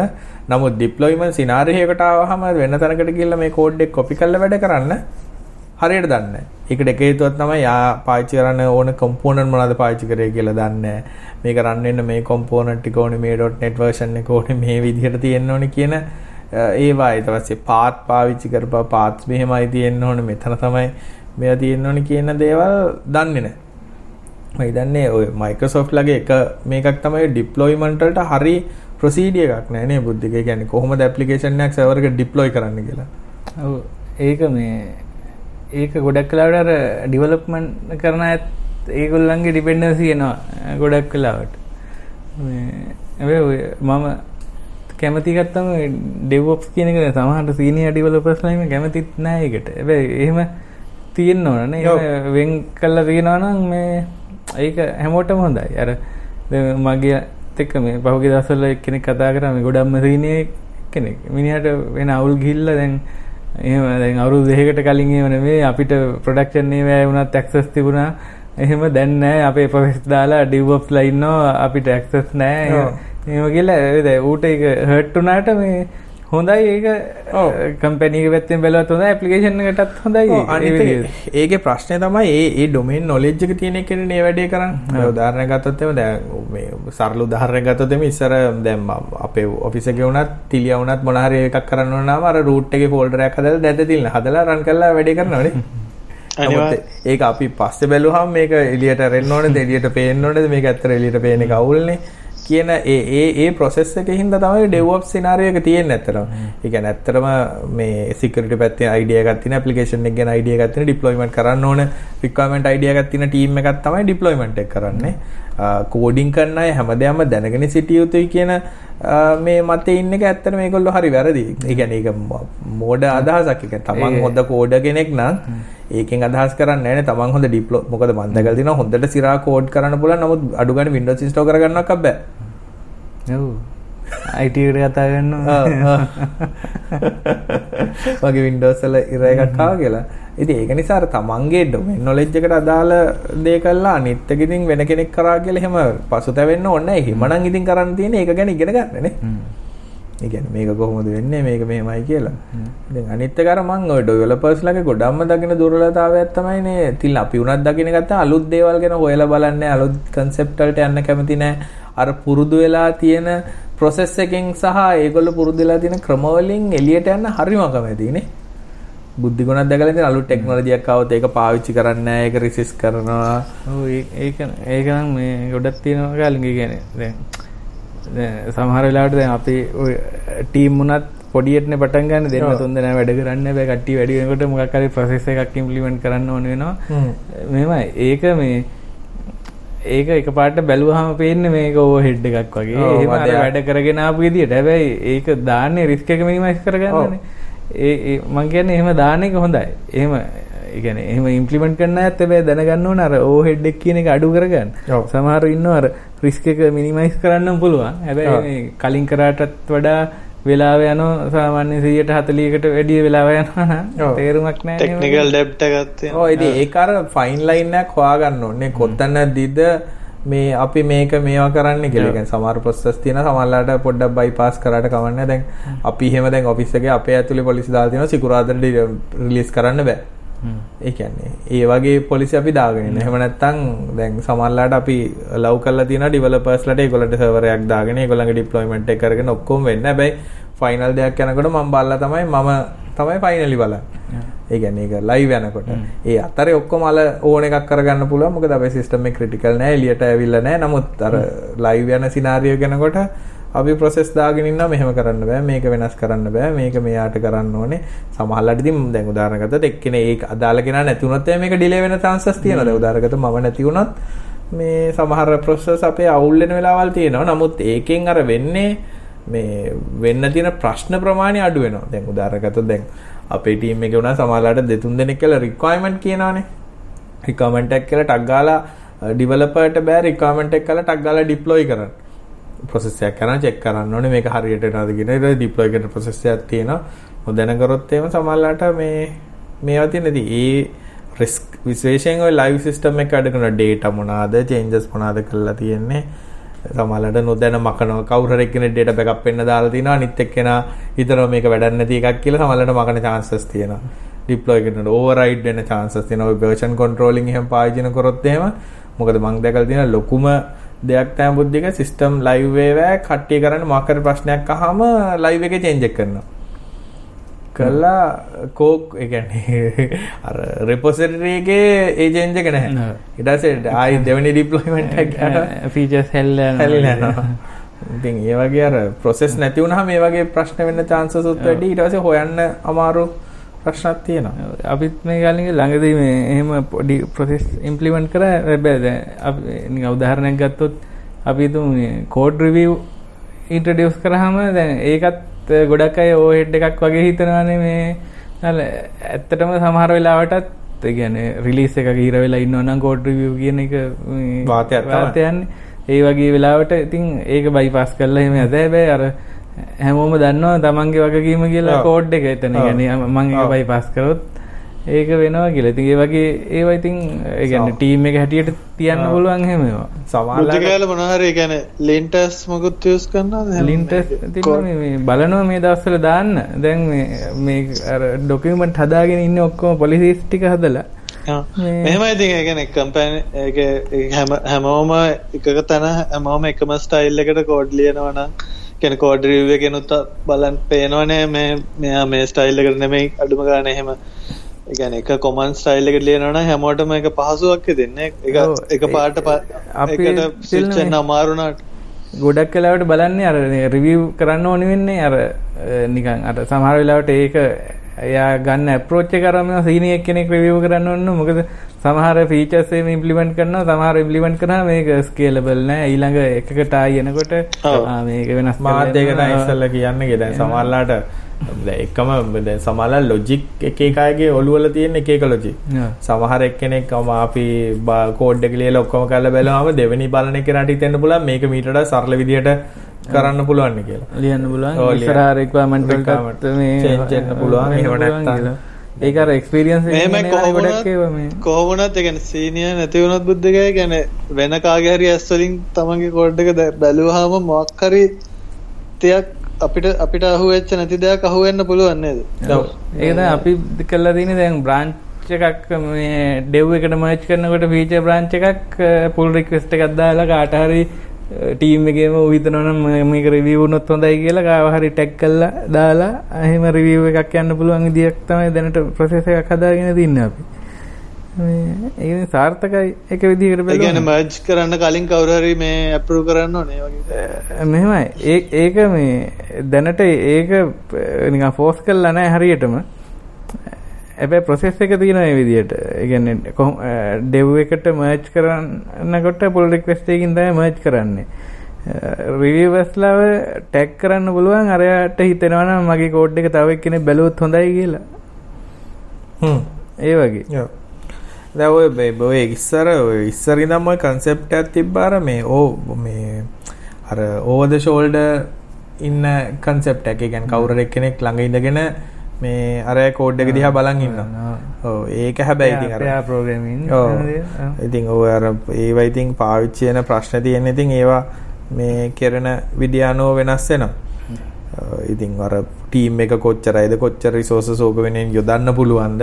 පොඩි ටීම් එක වැඩ කරනකොට සමහරවිට ඉතින් අමාරුයි මොකද කියන්නේ ටයිම් ලයින් එක වැඩ කරනකොට ඉතින් ඒවත් හිතලා බලන්න එනවා. ඒ කියන්නේ කොච්චරද කියලා අර කොහොමත් අර බෙස්ට් ප්‍රැක්ටිසස් කියන ඒවා දාගෙන ඉන්නවා නේද? උදාහරණයකට අඩු ගානේ වේරියබල්ස් ඩිෆයින් කරන්නේ කොහොමද? ඊට පස්සේ අඩු ගානේ මේ ඉන්ඩෙන්ට් තියෙන තරම් ඒ කියන්නේ සමහරවිට ටැබ් කීයක් තියනද කියන එක වුණත් වටිනවා. මොකද ඒ කියන්නේ දැන් දෙවෙනි කෙනෙක් දෙන්න අනිවාර්යෙන් දැන් නැත්තම් කෝඩ් කියවන්න ගියාම හෙනම අමාරුයි. වේරියබල් වල ස්ටෑන්ඩඩ් නැති වුණාම මොකද්ද කියලා දැන් සාමාන්‍යයෙන් වේරියබල් දානකොට මම නම් හැමතිස්සෙම කියන්නේ මීනින්ග්ෆුල් විදිහකට වේරියබල් එකක් දානවා. අපි ඉස්සර කෝඩ් ලියනකොට පොඩි කාලේ ඉගෙනගන්න A කියලා දාගන්න B කියලා දාගන්න C කියලා දාගන්න නමුත් ඇත්තම කතාව කිව්වොත් එහෙම ලූප් එකක් දැම්ම I කියලා දාගන්න Z කියලා දාගන්න. එහෙම එහෙම නෙමෙයි ඇත්තටම දැන් උදාහරණයකට කස්ටමර් නේම් එකක් නම් තියෙන්නේ කස්ටමර් අන්ඩර්ස්කෝර් නේම් මේ වගේ ස්ටෑන්ඩඩ් ගන්න. දැන් සමහර කම්පැනි වල කොච්චර දුරට යනවද කිව්වොත් වේරියබල් නේමින් වල කැපිටලයිසේෂන් සිම්පල් කොහොමද තියෙන්නේ කියන තරවටම ඩිෆයින් කරනවා. ඉතින් ඒකේ වෙන්නේ අර එකක් තමයි අර කෝඩ් කරන අය පුදුම අකමැති කමෙන්ට් ලියන්න. ඒ කියන්නේ කෝඩ් එකක් ලිව්වම කමෙන්ට්ස් දාන්න එපා කෝඩ් එකේ.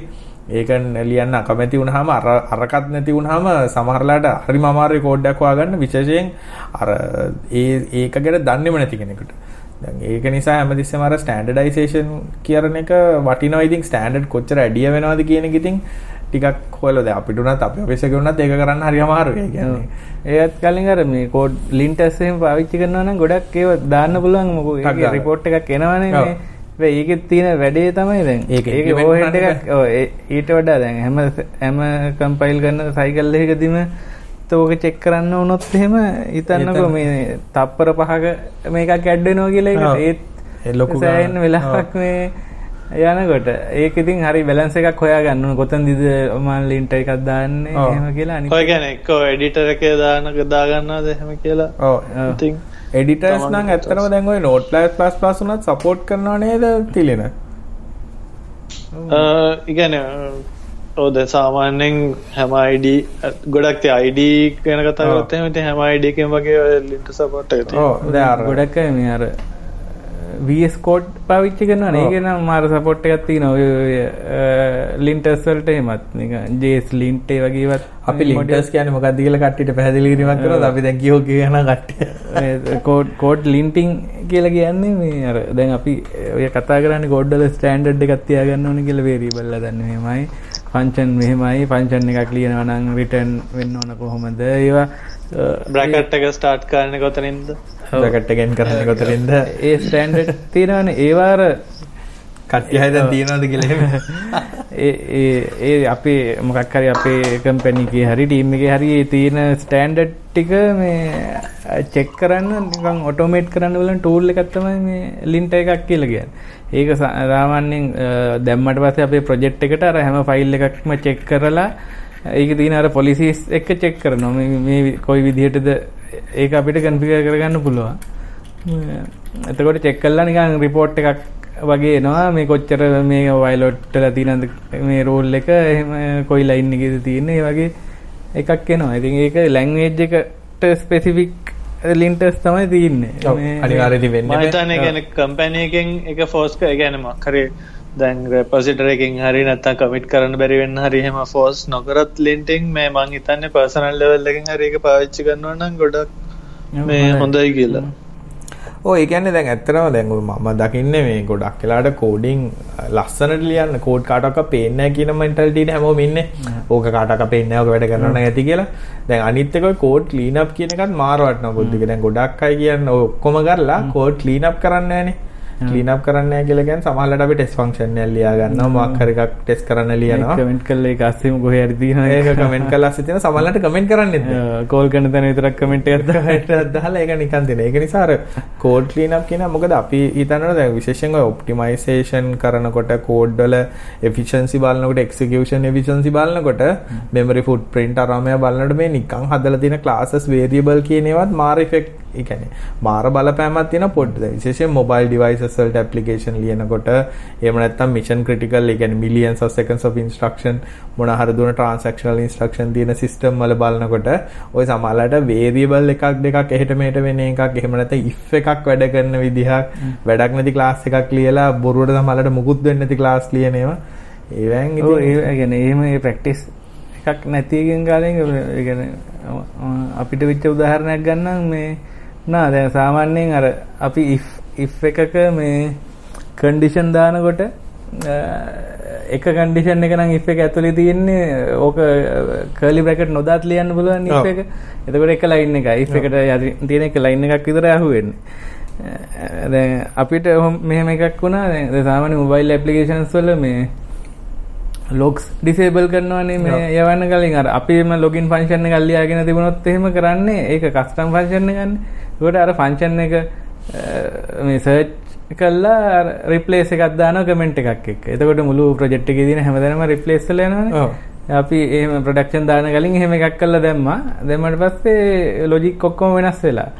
එක තැනකදී වෙනස් වෙලා තියෙන්නේ මොකද අර if එකක් තියලා if එක ඒ කන්ඩිෂන් එක throw වුණොත් log වෙන්න එකක් දාලා තියෙනවා. ලොගින් එක කමෙන්ට් වෙච්ච ගමන් කර්ලි බ්‍රැකට් නෑ ඊළඟට if එක ඇප්ලයි වෙනවා ඊළඟ ලයින් එකට.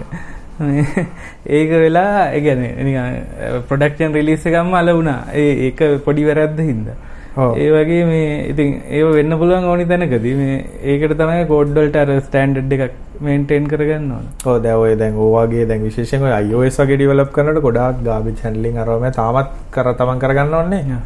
ඒ වගේ දේවල් හින්දා ඉතින් ගොඩක් මේ ප්‍රශ්නේ තියෙන්නේ අර ඒක ඩිසිප්ලින් නැති එක තමයි ඒක ඕකට ඇත්තටම. අනිත් එක අපි කෝඩ් එක අපි ළඟ තියනවා කියලා නේ අපේ ඕක කවුරුත් බලන්නේ අපේ එකක් කියලානේ.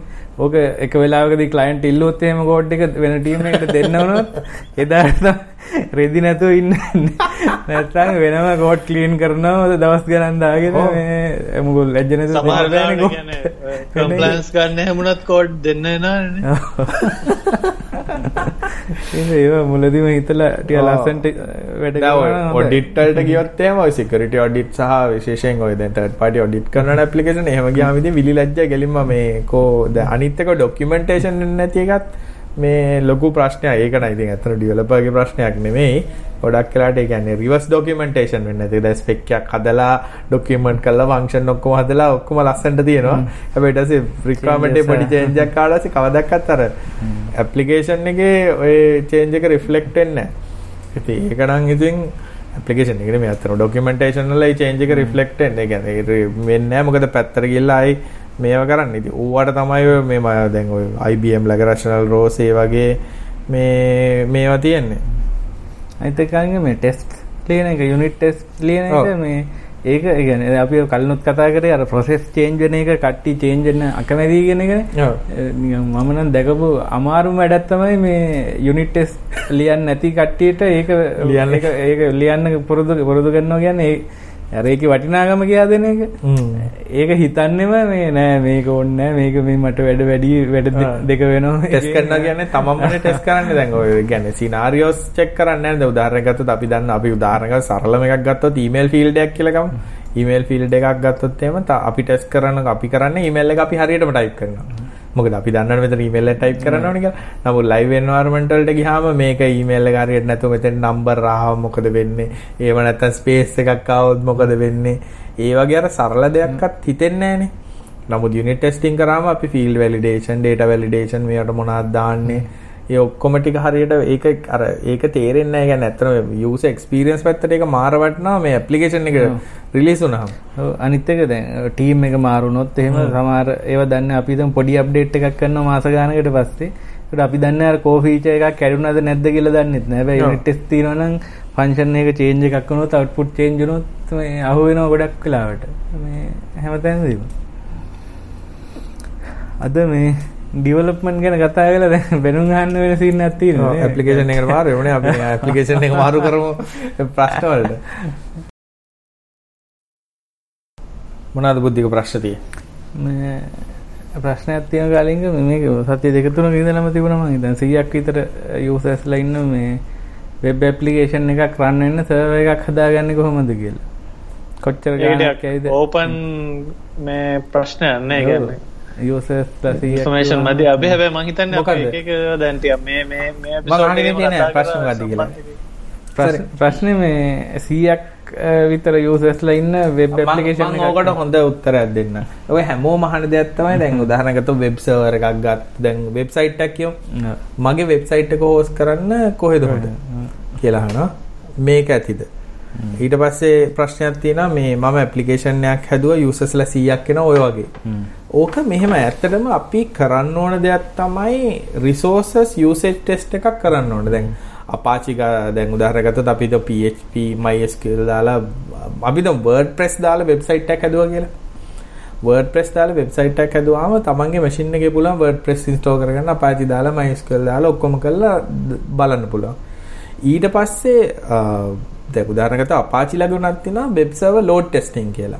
request generate කරලා බලන්න පුළුවන් කොච්චර resource එකක් පාවිච්චි වෙනවද කියලා. ඊට පස්සේ ඒකේ ඊට අමතරව පෙන්නනවා කොච්චර time එකක් වැඩි වෙනවද කියලා request ගන්න වැඩි වෙනකොට response එකක් එනවා. අනිත් එක දැන් මේ 100ක් වගේ ගානක දිනම් මේ අර දැන් අර අපාචිම මේකක් තියෙනවානේ මේ ජේමීට. කියලා මේ ස්ට්‍රෙස් ටෙස්ට් කරන ඒ වගේ එකක් ඕන්නම් ඩිස්ට්‍රිබියුට් කරලා මැෂින් දෙක දාලා ලෝකල් නෙට්වර්ක් එකේ. මේ සිමියුලේට් කරන්නත්. පුළුවන් ඒ වගේ. එතකොට Tamanට හිතන්න පුළුවන් මට users ලා 100ක් එනවනම් මට මෙච්චර resource එකක් යනවා. ඊට පස්සේ users ලා 1000ක් වුණොත් එහෙම මෙච්චර resources එකක් යනවා. එතකොට අපි අය කරන ඊළඟ එක තමයි ওই ටිකත් කරලා ආරයිට් මේකට හරියන සිස්ටම් එකක් ගමු අපි කියලා. නෑ. ඊට පස්සේ බලන්න මේ කරන විදිහේ රිසෝ users ලා 1000කට අපි හිතමු මට ඕන වුණා IO flop 10000ක් ඕන වුණා මේ memory 2GB ඕන වුණා කියලා හිතමුකෝ. ඊට පස්සේ බලන්න කෝඩ් එක කොහොමද ඔප්ටිමයිස් කරන්න පුළුවන් ඕක තව අඩු කරන්න. MySQL වලට time මොකද MySQL උදාහරණ ගත්තා PHP myadmin දාගත්තත් බුද්ධික ඒකේ පෙන්නනවා සර්වර් එකට hits කොච්චරක් ආවද සර්වර් එකේ query කොච්චරක් දැන් run වෙනවද CPU කොච්චරක් පාවිච්චි වෙනවද memory කොච්චරක් පාවිච්චි වෙනවද කියන එකත් පෙන්නනවා. ඊට පස්සේ පුළුවන් MySQL query වල ඇත්තටම slow query log කියලා MySQL MariaDB ඔය හැම එකෙම තියෙනවා. ඒකේ පුළුවන් log එකක් enable කරගන්න. ඒක slow query කියලා කියන්නේ යම්කිසි time frame එකකට වඩා run වෙන්න query එකක් යන ඒවා තියෙන්නේ මොනවද කියලා.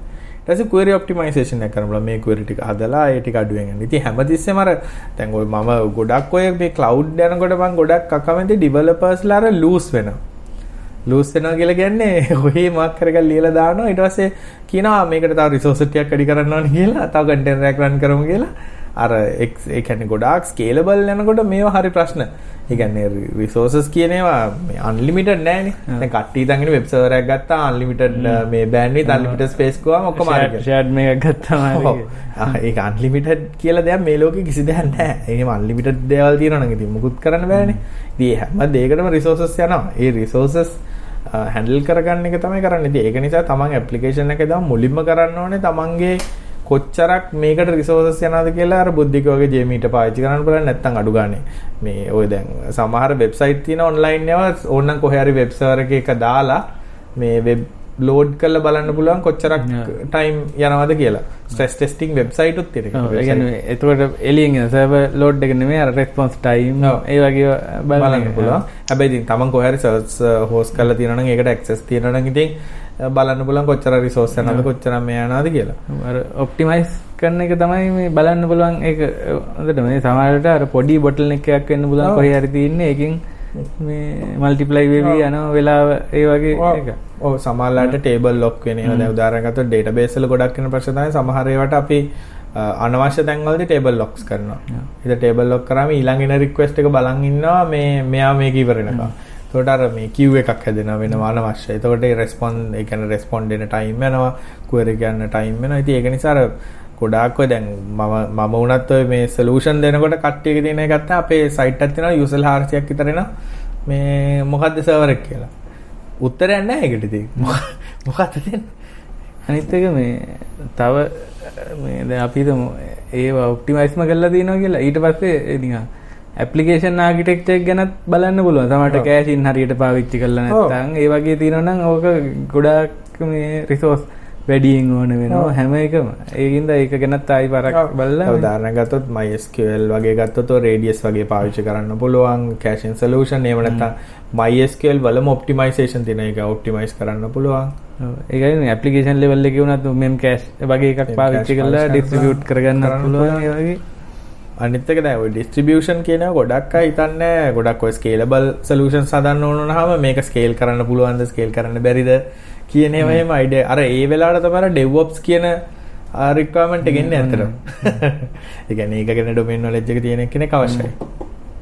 මේ අර ප්‍රශ්න ඉතින් උත්තරයක් කිව්වොත් ඔය තියෙන විස්තර ටික අනුව නම් එහෙම බෑ. ඇත්තටම. එයාටම කරලා බලන්න පුළුවන්. ඕක යූසර්ලා 10 දෙනෙක් සිමියුලේට් කරලා බලන්නකො 100ක් ඉන්නවනම් එතකොට හිතා ගන්න පුළුවන් ඇත්තනේ සර්වර් කොච්චර ලෝඩ් වෙනවද කියලා. සාමාන්‍යයෙන් මේ යූසර්ස්ලා 100ක් නම් එයාගේ බලාපොරොත්තුව 200කට ටෙස්ට් කරා.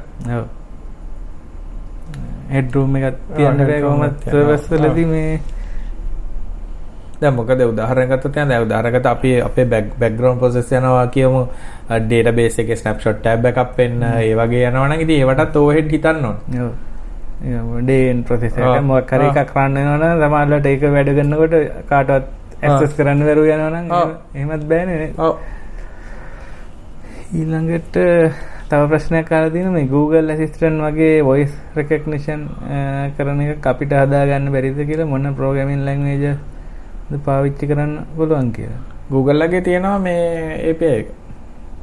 ඉතින් ඒක මම හිතන්නේ මේ voice recognition engine එකක් හදාගන්න එකක් එහෙම වුණොත් නම් ඉතින් මේ මුලම ගිහිල්ලා රිෆර් කරන්න වෙයි ඇල්ගොරිතම් කොහොමද වැඩ කරන්නේ voice recognition කරන එහෙම ඒ කියන්නේ ඒක නිකන් එයා මේ හදන්න පටන් ගන්න වෙනමම ඒ කියන්නේ ඒ වගේ සිමිලර් එන්ජින් එකක් හදන්න හදනවා නම් වැඩ ටිකක් තියෙන්නේ. ලේසි නෑ ප්‍රෝග්‍රෑමින් ලැන්ග්වේජ් වල තියෙන අනිවාර්යෙන් C ගැන තමයි C++ ගැන හිතන්න කියලා කියන්න පුළුවන්. Speech to text වගේ මොන හරි ඒ වගේ දේවල් Java වලින් බැරිද පොඩි Java ගියත් අන්තිමට C වලින් ඉම්ප්ලිමන්ට් කරලා තියෙන්නේ.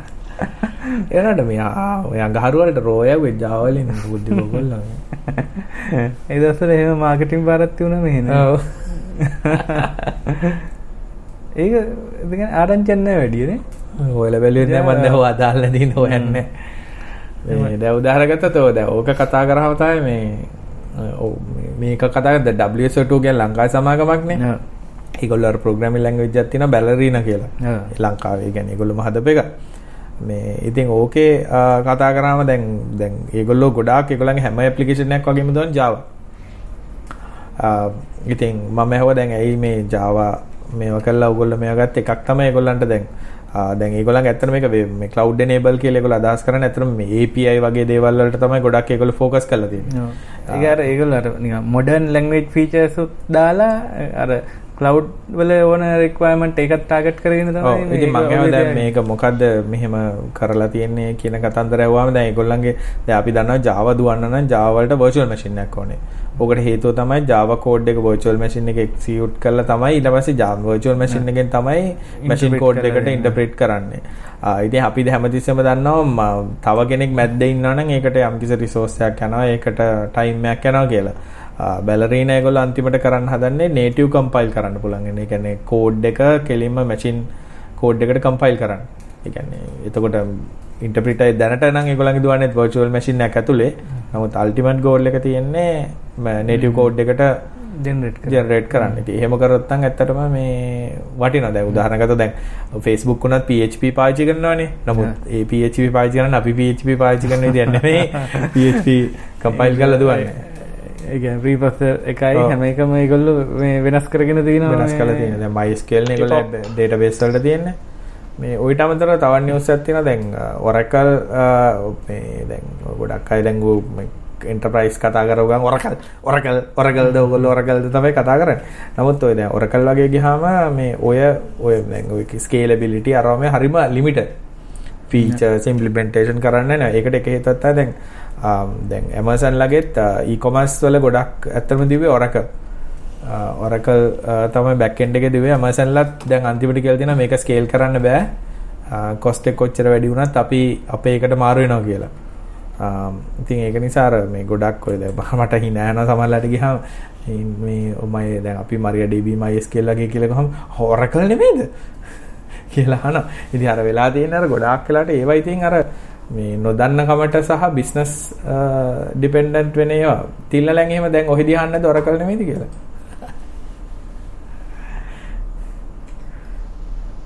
මියුට් මියුට් මියුට් Oracle නැත්තම් වැඩක් නැහැ නේ. හැබැයි ඔරකල් අත ගැහුවොත් ඒ කම්පැනි ඉවරයිනේ. සෝලාරිස් එක මේ සන් එක කෙලියා Java Java වලට Java වලට Java වලටත් දැරලා දැන් Java server space එක අර දැන් MySQL වල අපාජි තමයි එහෙමත් අයින් වුණානේ කමියුනිටි ඉන්ටර්ෆේස් එකේ ඔව්. නොත් ඔව්, ඊට පස්සේ Java නම් මං හරි කැමති ඕක නැතිවෙනවනේ. මේ මට පෞද්ගලික තරහක් වගේ එකක් තියෙනවා. ඊට පස්සේ මට ඔය පාමුනේ ඉස්සර මේ Yahoo Messenger ලියලා තිබේ Java වලින්. ඔබට මතකද? අලගු ඇලි එක කියන්නේ ඒක රන් වෙන්නම සති දෙකක් විතර යනවා. ඊට පස්සේ අපේ මෙහි ඇදුවා ස්පීඩ් ටෙස්ට් කියලා එකකුත් ඒක Java applet එකක්. මතක TRC එකෙන් අර ඉන්ටර්නෙට් ස්පීඩ් ටෙස්ට් කියලා Java Java මැරෙන්න ඔන්න මෙන්න පණ ඇදලා තින්නකොට ඇප්ලිකේෂන් එකක් ඇදුවා මේ Java වලින්. අර අවශ්‍ය තැනට අවශ්‍ය දේ නේද? ඊළඟ ප්‍රශ්නෙකට යමුද බුද්ධි? යමු මේ ප්‍රශ්නයක් නෙමෙයි නිකන් ටොපික් එකක් කතා කරන්න කියලා මම දැන් දාලා තියෙන Google One ගැන කියලා මේ හිතන්නේ One කියන්නේ මේගොල්ලන්ගේ අර Google Drive එකම මේ storage ඩ්‍රයිව් එකම තමයි. සොලූෂන් එක නේ. ඒක මේ ලොන්ච් කරලා නැහැ නේ තිල්නේ තාම. තාම නෑ. ඔව්. මේ ඒකේ තියෙන විදිහට නම් මේ Google Drive දැන් ඔය paid ප්ලෑන්ස් වල ඉන්න කට්ටියව මයිග්‍රේට් කරනවා කියලා තමයි ආරංචිය තියෙන්නේ මේ Google One වලට. ඒක තිබුණේ මම හිතන්නේ ගිගාබයිට් 100ක් ඩොලර් දෙකට අඩුවෙන් ඒ වගේ ගානක එහෙම ඒ වගේ ප්‍රයිස් තමයි තිබුණේ. හරියට මම මේ තව එක්කෙනෙක් ප්‍රශ්නයක් අහලා තියෙනවා මේ අර අන්ලිමිටඩ් ස්පේස් ගන්න කොහොමද කියලා මේ Google Drive එකේ. මම හිතන්නේ ගොඩක් අය මේ විකුණනවා කට්ටිය මේ edu domain වලින් තියෙන emails. ඒවට මේ කියන්නේ Google එකෙන් unlimited space දෙනවා කියලා මේ edu domain එකක් තියෙනවා නම් එහෙම ඒ කියන්නේ කට්ටිය edu domain විකුණනම් පොඩි අරමක් වගේ තියෙන ඒක නිසා ඒකෙන් යූසර්ස්ලා හදලා ඒකක්. ඒකද ඒ වගේ එකක් ගත්ත වගේ නෙමෙයි එකක් ලොස් වෙන්න තියෙන ඉඩත් වැඩි නේ. තිල්න මොනවා හරි මොනොත් දැන් ඒක Google ලට පුළුවන් බෑන් කරලා දාන්න ඕන නම් මට නම් ඉතින් මෙහෙමයි. මං මගේ ඔය 60 40 ඇන්දිරියේ කතා කිව්වහම කට්ටියට මලමනේ ඒ වුණාට දැන් සීන් එක තියෙන්නේ දැන් ඔය cloud storage කියන එක ලංකාවට හරි ප්‍රැක්ටිකලි අඩුයි. දැන් උදාහරණ ගත්තොත් මම carbonite පාවිච්චි කරනවා. backup solution එක. දැන් carbonite වල වෙන්නේ unlimited data backup කරන්න පුළුවන් machine එකේ තියෙන තර ඒකත් අර නමට unlimited දෙයක් නමට unlimited දෙයක් මැෂින් එක කියන්නේ සිංක් වෙන එක ඒ. කියන්නේ මැෂින් එකේ අපි තම 200 GB hard disk ගහලා තියෙනවා නම් 200 backup කරයි 1 terabyte තියෙනවා 1 terabyte backup කරයි. හැබැයි දැන් මම USB drive එකක් ගහුවොත් ඒක වැඩ කරන්නේ නැහැ. දැන් ඒ කියන්නේ අර cloud එකේ තියෙද්දි මැෂින් එකෙන් අයින් කරලා එහෙම කරන්න බෑ. බෑ. සිංක්. සිංක් එකක් තියෙන්නේ. හැබැයි කාබනයිඩ් මම පාවිච්චි කරන එකම හේතුව තමයි ඕ බෑක් ඒ කියන්නේ රිස්ටෝර් කරන්න versioning ඔක්කොම ටික වෙනවා. ඉතින් ඕක කා පාවිච්චි කරනකොට මම දැකපු දෙයක් තමයි ඒ කියන්නේ දැන් අපේ ඉන්ටර්නෙට් බෑන්ඩ්විඩ්ත් මෙහෙ ගණන්නේ. ෆයිල් කොපි වෙනකොට යන ටයිම් අර මේවා හින්දා මම ඒක ඊට පස්සේ දැන් අවුරුද්දකට විතර පස්සේ අයින් කරා. දැන් මේ අවුරුද්දට පස්සේ ඊට පස්සේ මම මෙගා එකට මාරු වුණා. kim kim.com ගේ අර මෙගා මොකද ඒ අයියාගේ එකට මාරු වුණා. ඒක මම හිතා අවුරුද්දකට විතර කලින් මාරුනේ. ඒකේ 50 GB දෙනවා. ඇත්තටම ගත්තේ බුද්ධික මගේ පර්සනල් දේවල් සහ ෆොටෝ අරවමෑ ටික ඇත්තටම ඇති. දැන් ඕනනම් ඊමේල් දෙකකට දෙකක් හදාගත්තා. කම්පියුටර් දෙකක් තියෙනවා නම් දෙකකට හදුවාම 100 GB දැන් හදාගන්න පුළුවන්. එහෙම නැත්නම් දැන් NAS එකක් හරි Linux මාක් හරි දුවනවා නම් ඒවට APIs තියෙන නිසා application හදපුවක් තියෙනවා. එහෙම නැත්නම් දැන් ෆොටෝ වගේ නම් දාන්නේ දැන් Google Drive වලත් අර මේ එක photo- නැතුව photo unlimited storage තමයි quality එකෙන් අපි upload කරන්නේ දැන් මම my phone එකේ දාලා තියෙන wife ගේ phone එකේ දාලා තියෙන්නේ. ඒකේ පුළුවන් phone එකෙන් අයින් කරලා drive එකේ තියාගන්න. iCloud වගේ නෙමෙයි දැන් iCloud දැම්මොත් එහෙම phone එකකට IO iPhone එකකට ඒකෙත් එකෙන්. මකලා iCloud එකේ තියන්න බෑ. Google. Drive වල නම් ඒක මේ අහනානේ කොහොමද ඔව්. ෆෝන් එක ෆ්‍රී කරන්නද කියලා කරන්න. ඉතින් දැන් දැන් ෆොටෝ වලට නම් මම ඒක පාවිච්චි කරන්නේ. හැබැයි මගේ අර සමහර තේ දැන් ඔය රිඩන්ඩන්සි ඕන හින්දා මම කරලා තියෙන්නේ අර මේ මෙගා එකක් දාලා තියෙන මෙගා එකේ වටිනාකම තමයි data encrypted තියන් ඉන්නේ. අනිත් එක දැන් මගේ ෆොටෝ කවුරුහරි ඕක මේ ගත්තා කියලා ලොකු ප්‍රශ්නයක් නැහැනේ. මේ කැමති නම් ඉතින් Facebook එකෙන් දැන් නිකන් දාපුවත් ටිකනේ. ඒක නිසා අර දැන් සාමාන්‍ය පුද්ගලයෙක්ට නම් බුද්ධික 50 GB කියන්නේ හොඳටම ඇති. හැබැයි ඊළඟ සිනාරියෝ එන්නේ දැන් ප්‍රොෆෙෂනල් ෆොටෝග්‍රැෆර්ස් ලට ටෙරාබයිට් ගණන් තියෙනවා. හැබැයි මම දැකපු දෙයක් තමයි ෆොටෝග්‍රැෆර්ට තියෙන එක USB hard එක. Yeah. ඒක තමයි ඔක්කොම ටික තියෙන්නේ. හાર્ඩ් ඩිස්ක් එක කෙලවුණොත් ඉවරයි. අර දැන් මට මේ ළඟදිත් දැන් මේ ප්‍රශ්නයක් වුණා. මගේ අර ෆ්ලෙක්ස් සර්වර් එකක් දුවනවා. ෆ්ලෙක්ස් සර්වර් එකේ ඩේටාබේස් එක අර ඔච්චර කොච්චර හැදුවත් උන්ගේ අර මේ MySQL SQL Lite එකක් තමයි දුවන්නේ. SQL Lite එකට ඉතින් ගොඩක් රික්වෙස්ට් එහෙට මෙහෙට ගියාම ඩේටාබේස් එක අවුල් වෙනවනේ. මේ කරප්ට් වෙලා තිබ්බා ඉතින් කට්ටිය ඊට පස්සේ කමෙන්ට් එකක් දාලා තිබ්බා ඔයාගේ 3 to 1 බෑකප් එකට මොකද උනේ කියලා මම ට්වීට් එකක් දැම්මට පස්සේ. නෑ ඒක ඇත්තටම මම ඩේටාබේස් එක බෑකප් කරේ නැත්තේ කියන්නේ. ක්‍රිටික් නොන් ක්‍රිටිකල් දේවල් බෑකප් කරලා තරන්නේ නැහැ මොකද ඒ ඩේටාබේස් එක දැන් මේ කර දැන් වර්ෂන් එකක් කරලා ගත්තාම ඒකේ බෑකප් එකේ මම රිවිෂන් 3යි තියන් ඉන්නේ කියලා තිබ්බේ. ඒක කරක්ට් වෙලත් මාස 6ක් විතර නම් මට කම්මැලිකමට මේ මම ඒක හදන්න නැතුව හිටියේ. ඉතින් ඒ වගේ දැන් අර ක්‍රිටිකල් දේවල් තියෙනවා දැන් ෆොටෝග්‍රැෆර්ස්ලට වගේ නම් මං කියන අනිවාර්යෙන් රේඩ් එකක් තියෙන මොකක් හරි ඩ්‍රයිව් එකක් පාවිච්චි කරන්න ලෝකල් ඔව් මේ ගොඩක් ගාලින්ග දැන් ෆොටෝග්‍රැෆර්ස්ලා ගිහින් ඒ තියෙන රික්වයර්මන්ට් වලට ක්ලවුඩ් සොලියුෂන් ඔරොත්තු දෙන්නේ නැහැ හරියන්නේ නැහැ. මගෙත් එකත් මේ කතා කරා කෙනෙක් මේ එයාගේ එකතු වෙන ඩේටත් එක්ක බැලුවට පස්සේ මේ බෑ එයා වෙනම ගොඩක් කරනවා කිව්වා මේ රෝ ෆොටෝ එහෙම ගහනවා නම් ඉතින් ඕක රේඩ් 5 එකක්වත් පාවිච්චි කරන්න ඕනේ. අනිත් එක තමයි ගොඩක් කමර්ෂල් රේඩ් ගත්තාම දැන් උදාහරණයක් මගේ ගාවත් තියෙනවා මේ අර මොකක්ද ඒක මේ නම් මතක නැහැ. කොහමරි මේ ඒකේ රේඩ් එක දැන් හදිසියෙ දැන් මේ එකපාරම මගේ අතින් එක ඩ්‍රයිව් එකක් අවුල් වුණා. ඊට පස්සේ ප්‍රශ්නේ තමයි ඒවැය තියෙන්නේ ඒ හાર્ඩ් ඩිස්ක් වෙන මැෂින් වල Linux එකකවත් රීඩ් කරලා රිකවර් කරන්න බෑ. ඒ රේඩ් ඇරේස්. ඉතින් ඒක නිසා ඒකටම දාලා වන ගන්න. ඒක ඒකට දාලා ගන්නත් බෑ මොකද ඒක අප් වෙන්නේ නැත්තම්. ඒක ඩිවයිස් එක වැඩ කරන්නේ නැත්තම් වෙන එකකට ගහුවත් වැඩක් නෑ.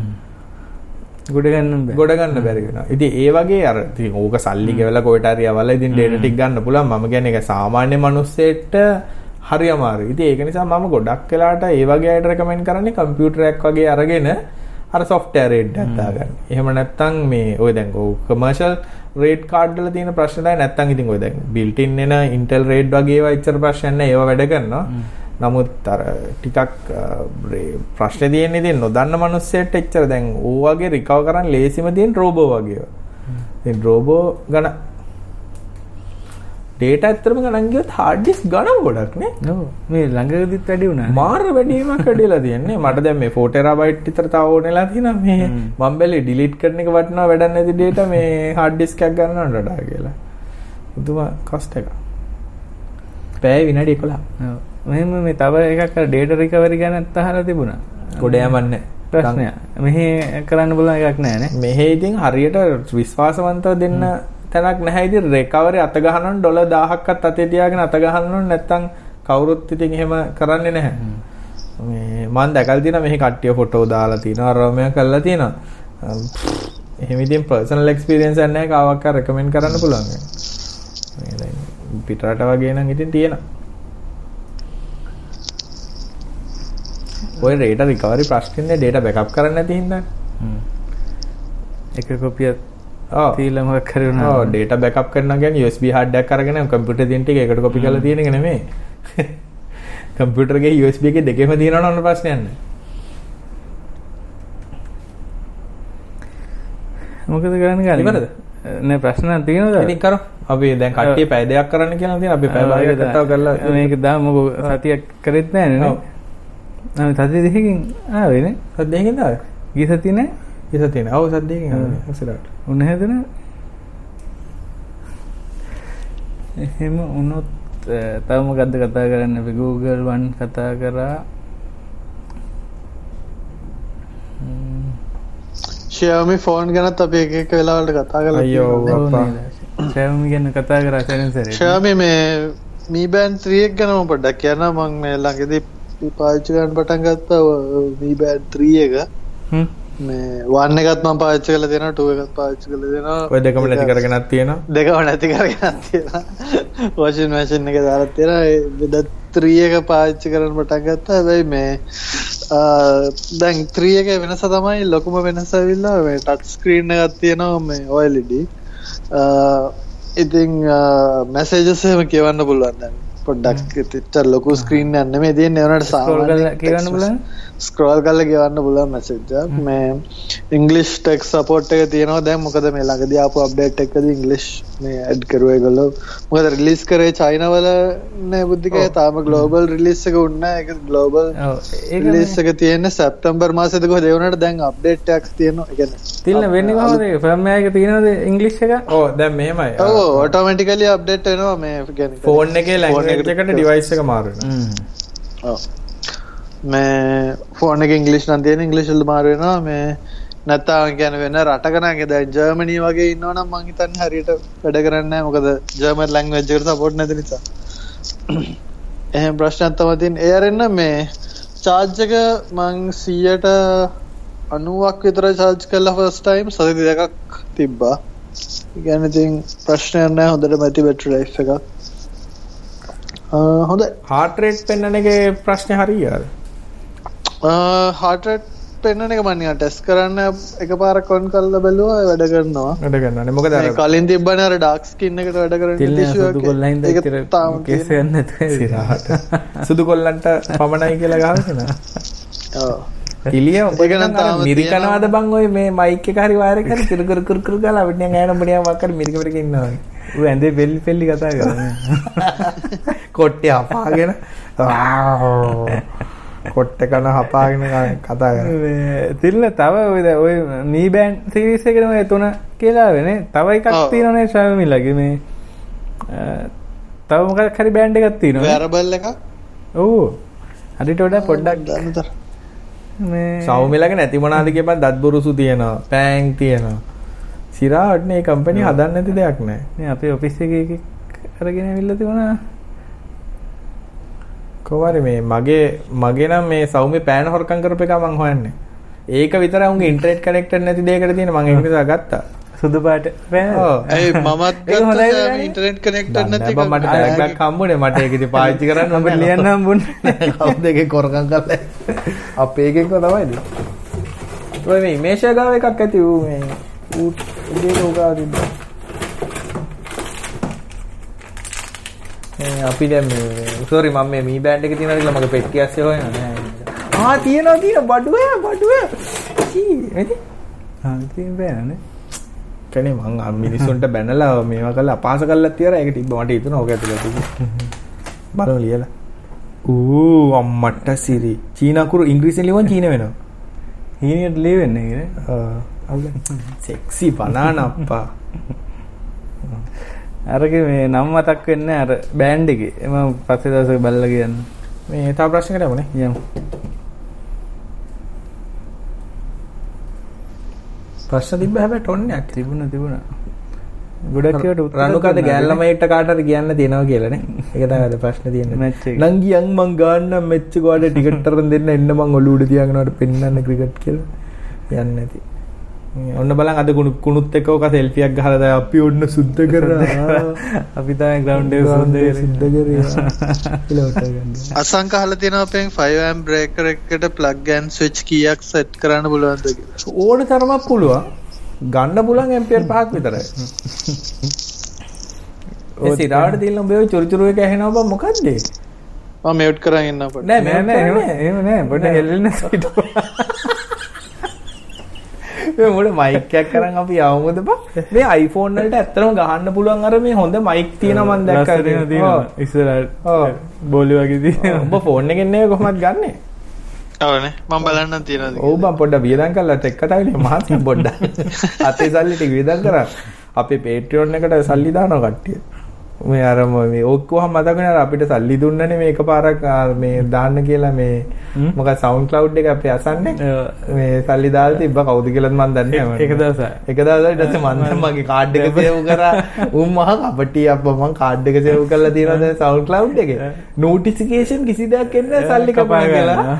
සල්ලි ගිහිල්ලා ඒ ඒක- දුන්නේ සවුන්ඩ් ක්ලවුඩ් එකේම කවුරු හරි දන්නේ නැහැ. යන්න බෑ ආගෙන ඉඳලා. අර මේ ඇත්තට මේ සවුන්ඩ් ක්ලවුඩ් වල කවුරු නම් මේ මට කියන්නනේ සවුන්ඩ් ක්ලවුඩ් කියන්නේ මේ පොඩ්කාස්ට් අහන ප්ලැට්ෆෝම් එකක් හෝ පොඩ්කාස්ට් සඳහා ඇති ප්ලැට්ෆෝම් එකක්. ඒක නිසා මේ පොඩ්කාස්ට් අහන නම් iPhone එකක් තියෙනවා නම් iTunes දාගන්න Android ෆෝන් එකක් තියෙනවා නම් Google ලගේම තියෙනවා මේ පොඩ්කාස්ට් ඇප් එකක්. එහෙම නැත්නම් මේ iTunes දාන්න ඕනත් නෑ මේ iPhone එකේ automatically මේ කියන්නේ made by මේ ස්ටොක් ඇප් එකක් තියෙන පොඩ්කාස්ට්. ඔව් ඒකට ඇප් එකක් කියනවා. මේ ඔව් oh, sorry iTunes කියන දේ නැහැ. හැබැයි ඉතින් අපේ iTunes store එකේ නේ අපේ ටෙක් කතා තියෙන්නේ. හැබැයි ඉතින් ඕන පොඩ්කාස්ට් ඇප් එකක් දාලා මම දැකලා තියෙනවා ටෙක් කතා කියලා මේ ඉංග්‍රීසියෙන් සර්ච් කරාම ඒ කියන්නේ ටෙක් කතා ටෙක් කියලා ගහලා කතා සිංහලෙන් ගහලා නෙමෙයි ටෙක් කතා කියලා සර්ච් කරාම මේ මම ටෙස්ට් කරපු හැම ඇප් එකෙම වගේ ආවා. ඔව් අනිත් එක ඒ මොකුත් නැත වෙබ් යනවා නම් ලිංක ගෙන ඒකයි පොඩ්කාස් ඩොට්ටල්ක ඒ ඒකත් පොඩක් කට්ටි පාවිච්චි කරන ගන්න ඒක ප්‍රමෝට් කරනවා නම් මේ හැබැයි අර වෙලාදී පොඩ්කාස්ටොට් එල්කේ ගිහිල්ලා පොඩ්කාස්ට් එක හොයාගෙන අහනවා මිසක් ඒක ඉඳන් අහන්න තරම් දැනට තාම ඒ කියන්නේ ඉදිරිදී ඇප් එකක් වගේ આવොත් ලේසි වෙයි. නමුත් අර දැන් ওই ප්‍රශ්නලා තියෙන පොඩ්කාස්ට් වලට තාම හරි ස්ටෑන්ඩඩ් නැහැ ඇප් එකට. දැන් අපේ නම් සයිට් එකට ගිහලා RSS feed එක තියෙනවා Android කියලා. ඒ කියන්නේ ටෙක් කරලා සයිට් එක ඕපන් කරලා Android කියන link එක ක්ලික් කරාම ෆෝන් එකේ ඇප් එකක් තියෙනවා නම් පොඩ්කාස්ට් ඇප් එකක් ඒකෙන් ඇරෙනවා. ඉතින් ඒක නිසා එතකොට ඊට පස්සේ දිගටම ඇප් එක මේ මේක ආවම ඉන්ටර්නෙට් තියෙන වෙලාවට ඩවුන්ලෝඩ් කරලා ඔෆිස් එකේ වගේ හොරෙන් ඉන්ටර්නෙට් එක ඩවුන්ලෝඩ් කරලා පස්සේ යන ගම් බස් එකේ යන්න පුළුවන්. ඊට අමතරව අපිට පොඩි කම්ප්ලේන් එකක් ආවා අපේ මේ Apple වල අහන අයට සද්ද මදි අපේ voice volume මදි පොඩ්ඩක් එහෙමද කියලා පොඩ්ඩක් කියන්න අපිට මේ දැනගන්න නේ. ඔව් මේ එපිසෝඩ් එකත් අහලා මේ කියන්න එහෙම නන්නේ හැබැයි මේ එපිසෝඩ් එකේ ටුට්ටුක් ගාලා මොකද අවුලක් නැති වුණා. තිවන් කපෙන් අහන Wi-Fi call enable කියන්නේ මොකද්ද කියලා Android phone වල. තිල්න මම හිතන්නේ ඒක දාලා තින්නේ මේ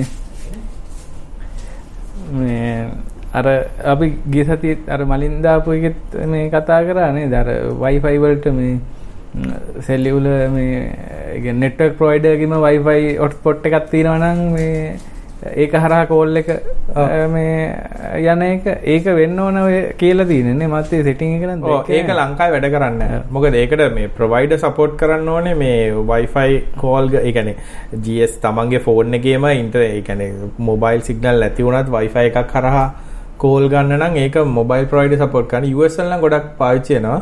හැබැයි ලංකාවේ VoLTE තිබ්බට ඒ අනිත් ස්ටේජ් එකට ගිහිල්ලා නැහැ. ඇත්තටම මේ මේ වෝල්ට් තියනවා නම් ඇත්තටම කට්ටියට මේ ඒක සිස්ටම් ප්‍රොවයිඩර් හරියට හදලා තිබ්බොත් එම චේන්ජ් ඕවර් වෙන්න පුළුවන් මේ Wi-Fi වලට.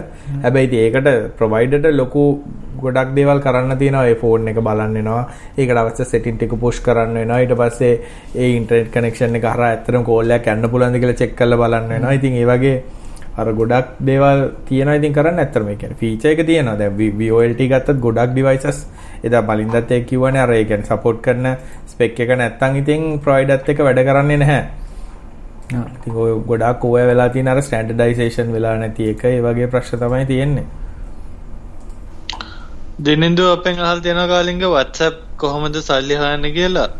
මේ WhatsApp free app එකක් දෙන්න නිසා මට මතක WhatsApp වල ඒ දවස්වල plan එක තිබ්බේ අවුරුද්දක් එක විනාශ කරන්න ගන්න ගන්න කලින් අවුරුද්දක් නිකන් දීලා ඊට පස්සේ ඩොලර් දැන් ඉස්සරහට වල ඇඩ්වර්ටයිසින් එනවා. මේ අර දැන් ඇඩ් දාන්න එනවා මේ මොකද මේ WhatsApp business business WhatsApp කියලා මේක එනවනේ නේද? තාම හිතන්නේ. තියෙනවා. ඔව්.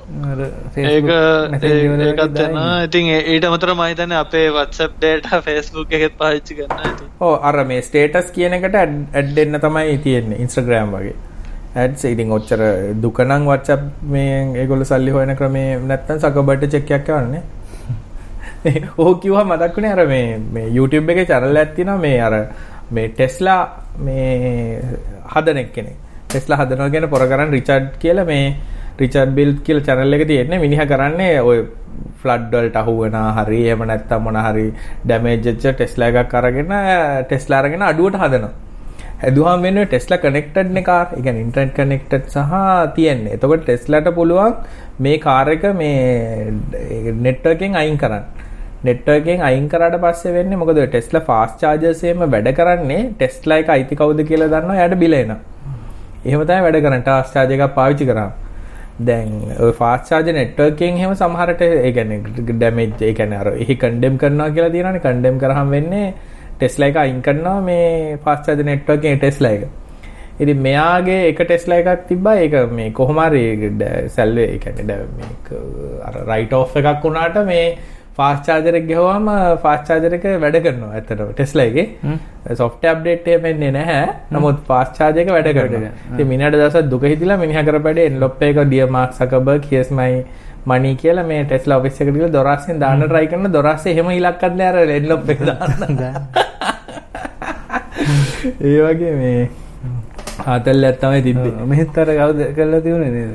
බස් එකේ හොරෙන් ගියා කියලා අවුරුදු කීයක්ද ඒ මොකද්ද මචං මේ බස් එකේ හොරෙන් ගිහලා උඩ දුක හිතිලා? ඒක පස්සේ මතක් කළා දැන් උට සල්ලි දින එහෙම කියලා චෙක් එකක් ආවා 200 ඩොලර් රුපියල් 20000ක් ගොඩ වෙන්නේ නෑ එච්චර නෙමෙයිද 3000ක ආ මේ දැන් තාම සීසන් තියනවද බස්සල? තියෙනවනේ. සීසන් තියෙනවා තියෙනවා. කොච්චි නම් තියෙනවා. ඉස්සරහ සීසන් එක කපාගෙන යන්න තියෙන එන ගේමක් දෙනවා. මොකද ආයි හවසට පන්ති යන්න ඕනේ ඒ වගේ අතලොත් තිබ්බ කාලයක් නේ. මේ අපි යව නවත්වන්න මට මේ දැන් පාටි එකට යන්න තියෙනවා කියලා කෝල් එකක් ආවා මේ. එන හැමෝටම සුබ සතියක්. අපි ලබන සතියේ පොළු තියන්නේ නැහැ නේ බුද්ධිකට සනීප නැතුණා නේ ඒක ඇත්තටම නේ. ඊට පස්සේ මට කම්මැලි මේ ඇත්තට මීටින් දෙකකුත් ගන්න එක එක වැඩක් තිබ්බා. ඒක නිසා. ආ රවසති කරම යන ඔව් හැමෝටම සුබ සතියක්. අපි ෂෙයා කරන්න ෂෙයා කරන්න. මෙච්චර කාලයක් අහපු එක්කන ෂෙයා කරන්න. ලයික් කරන්න ෂෙයා කරන්න. ලයික් කරන්න ෂෙයා කරන්න. යාළුවන්ට යාළුවන්ට දැනගන්න ෂෙයා කරන්න හාට් රියක්ෂන් දාන්න හાર્ට් රියැක්ෂන් දාන්න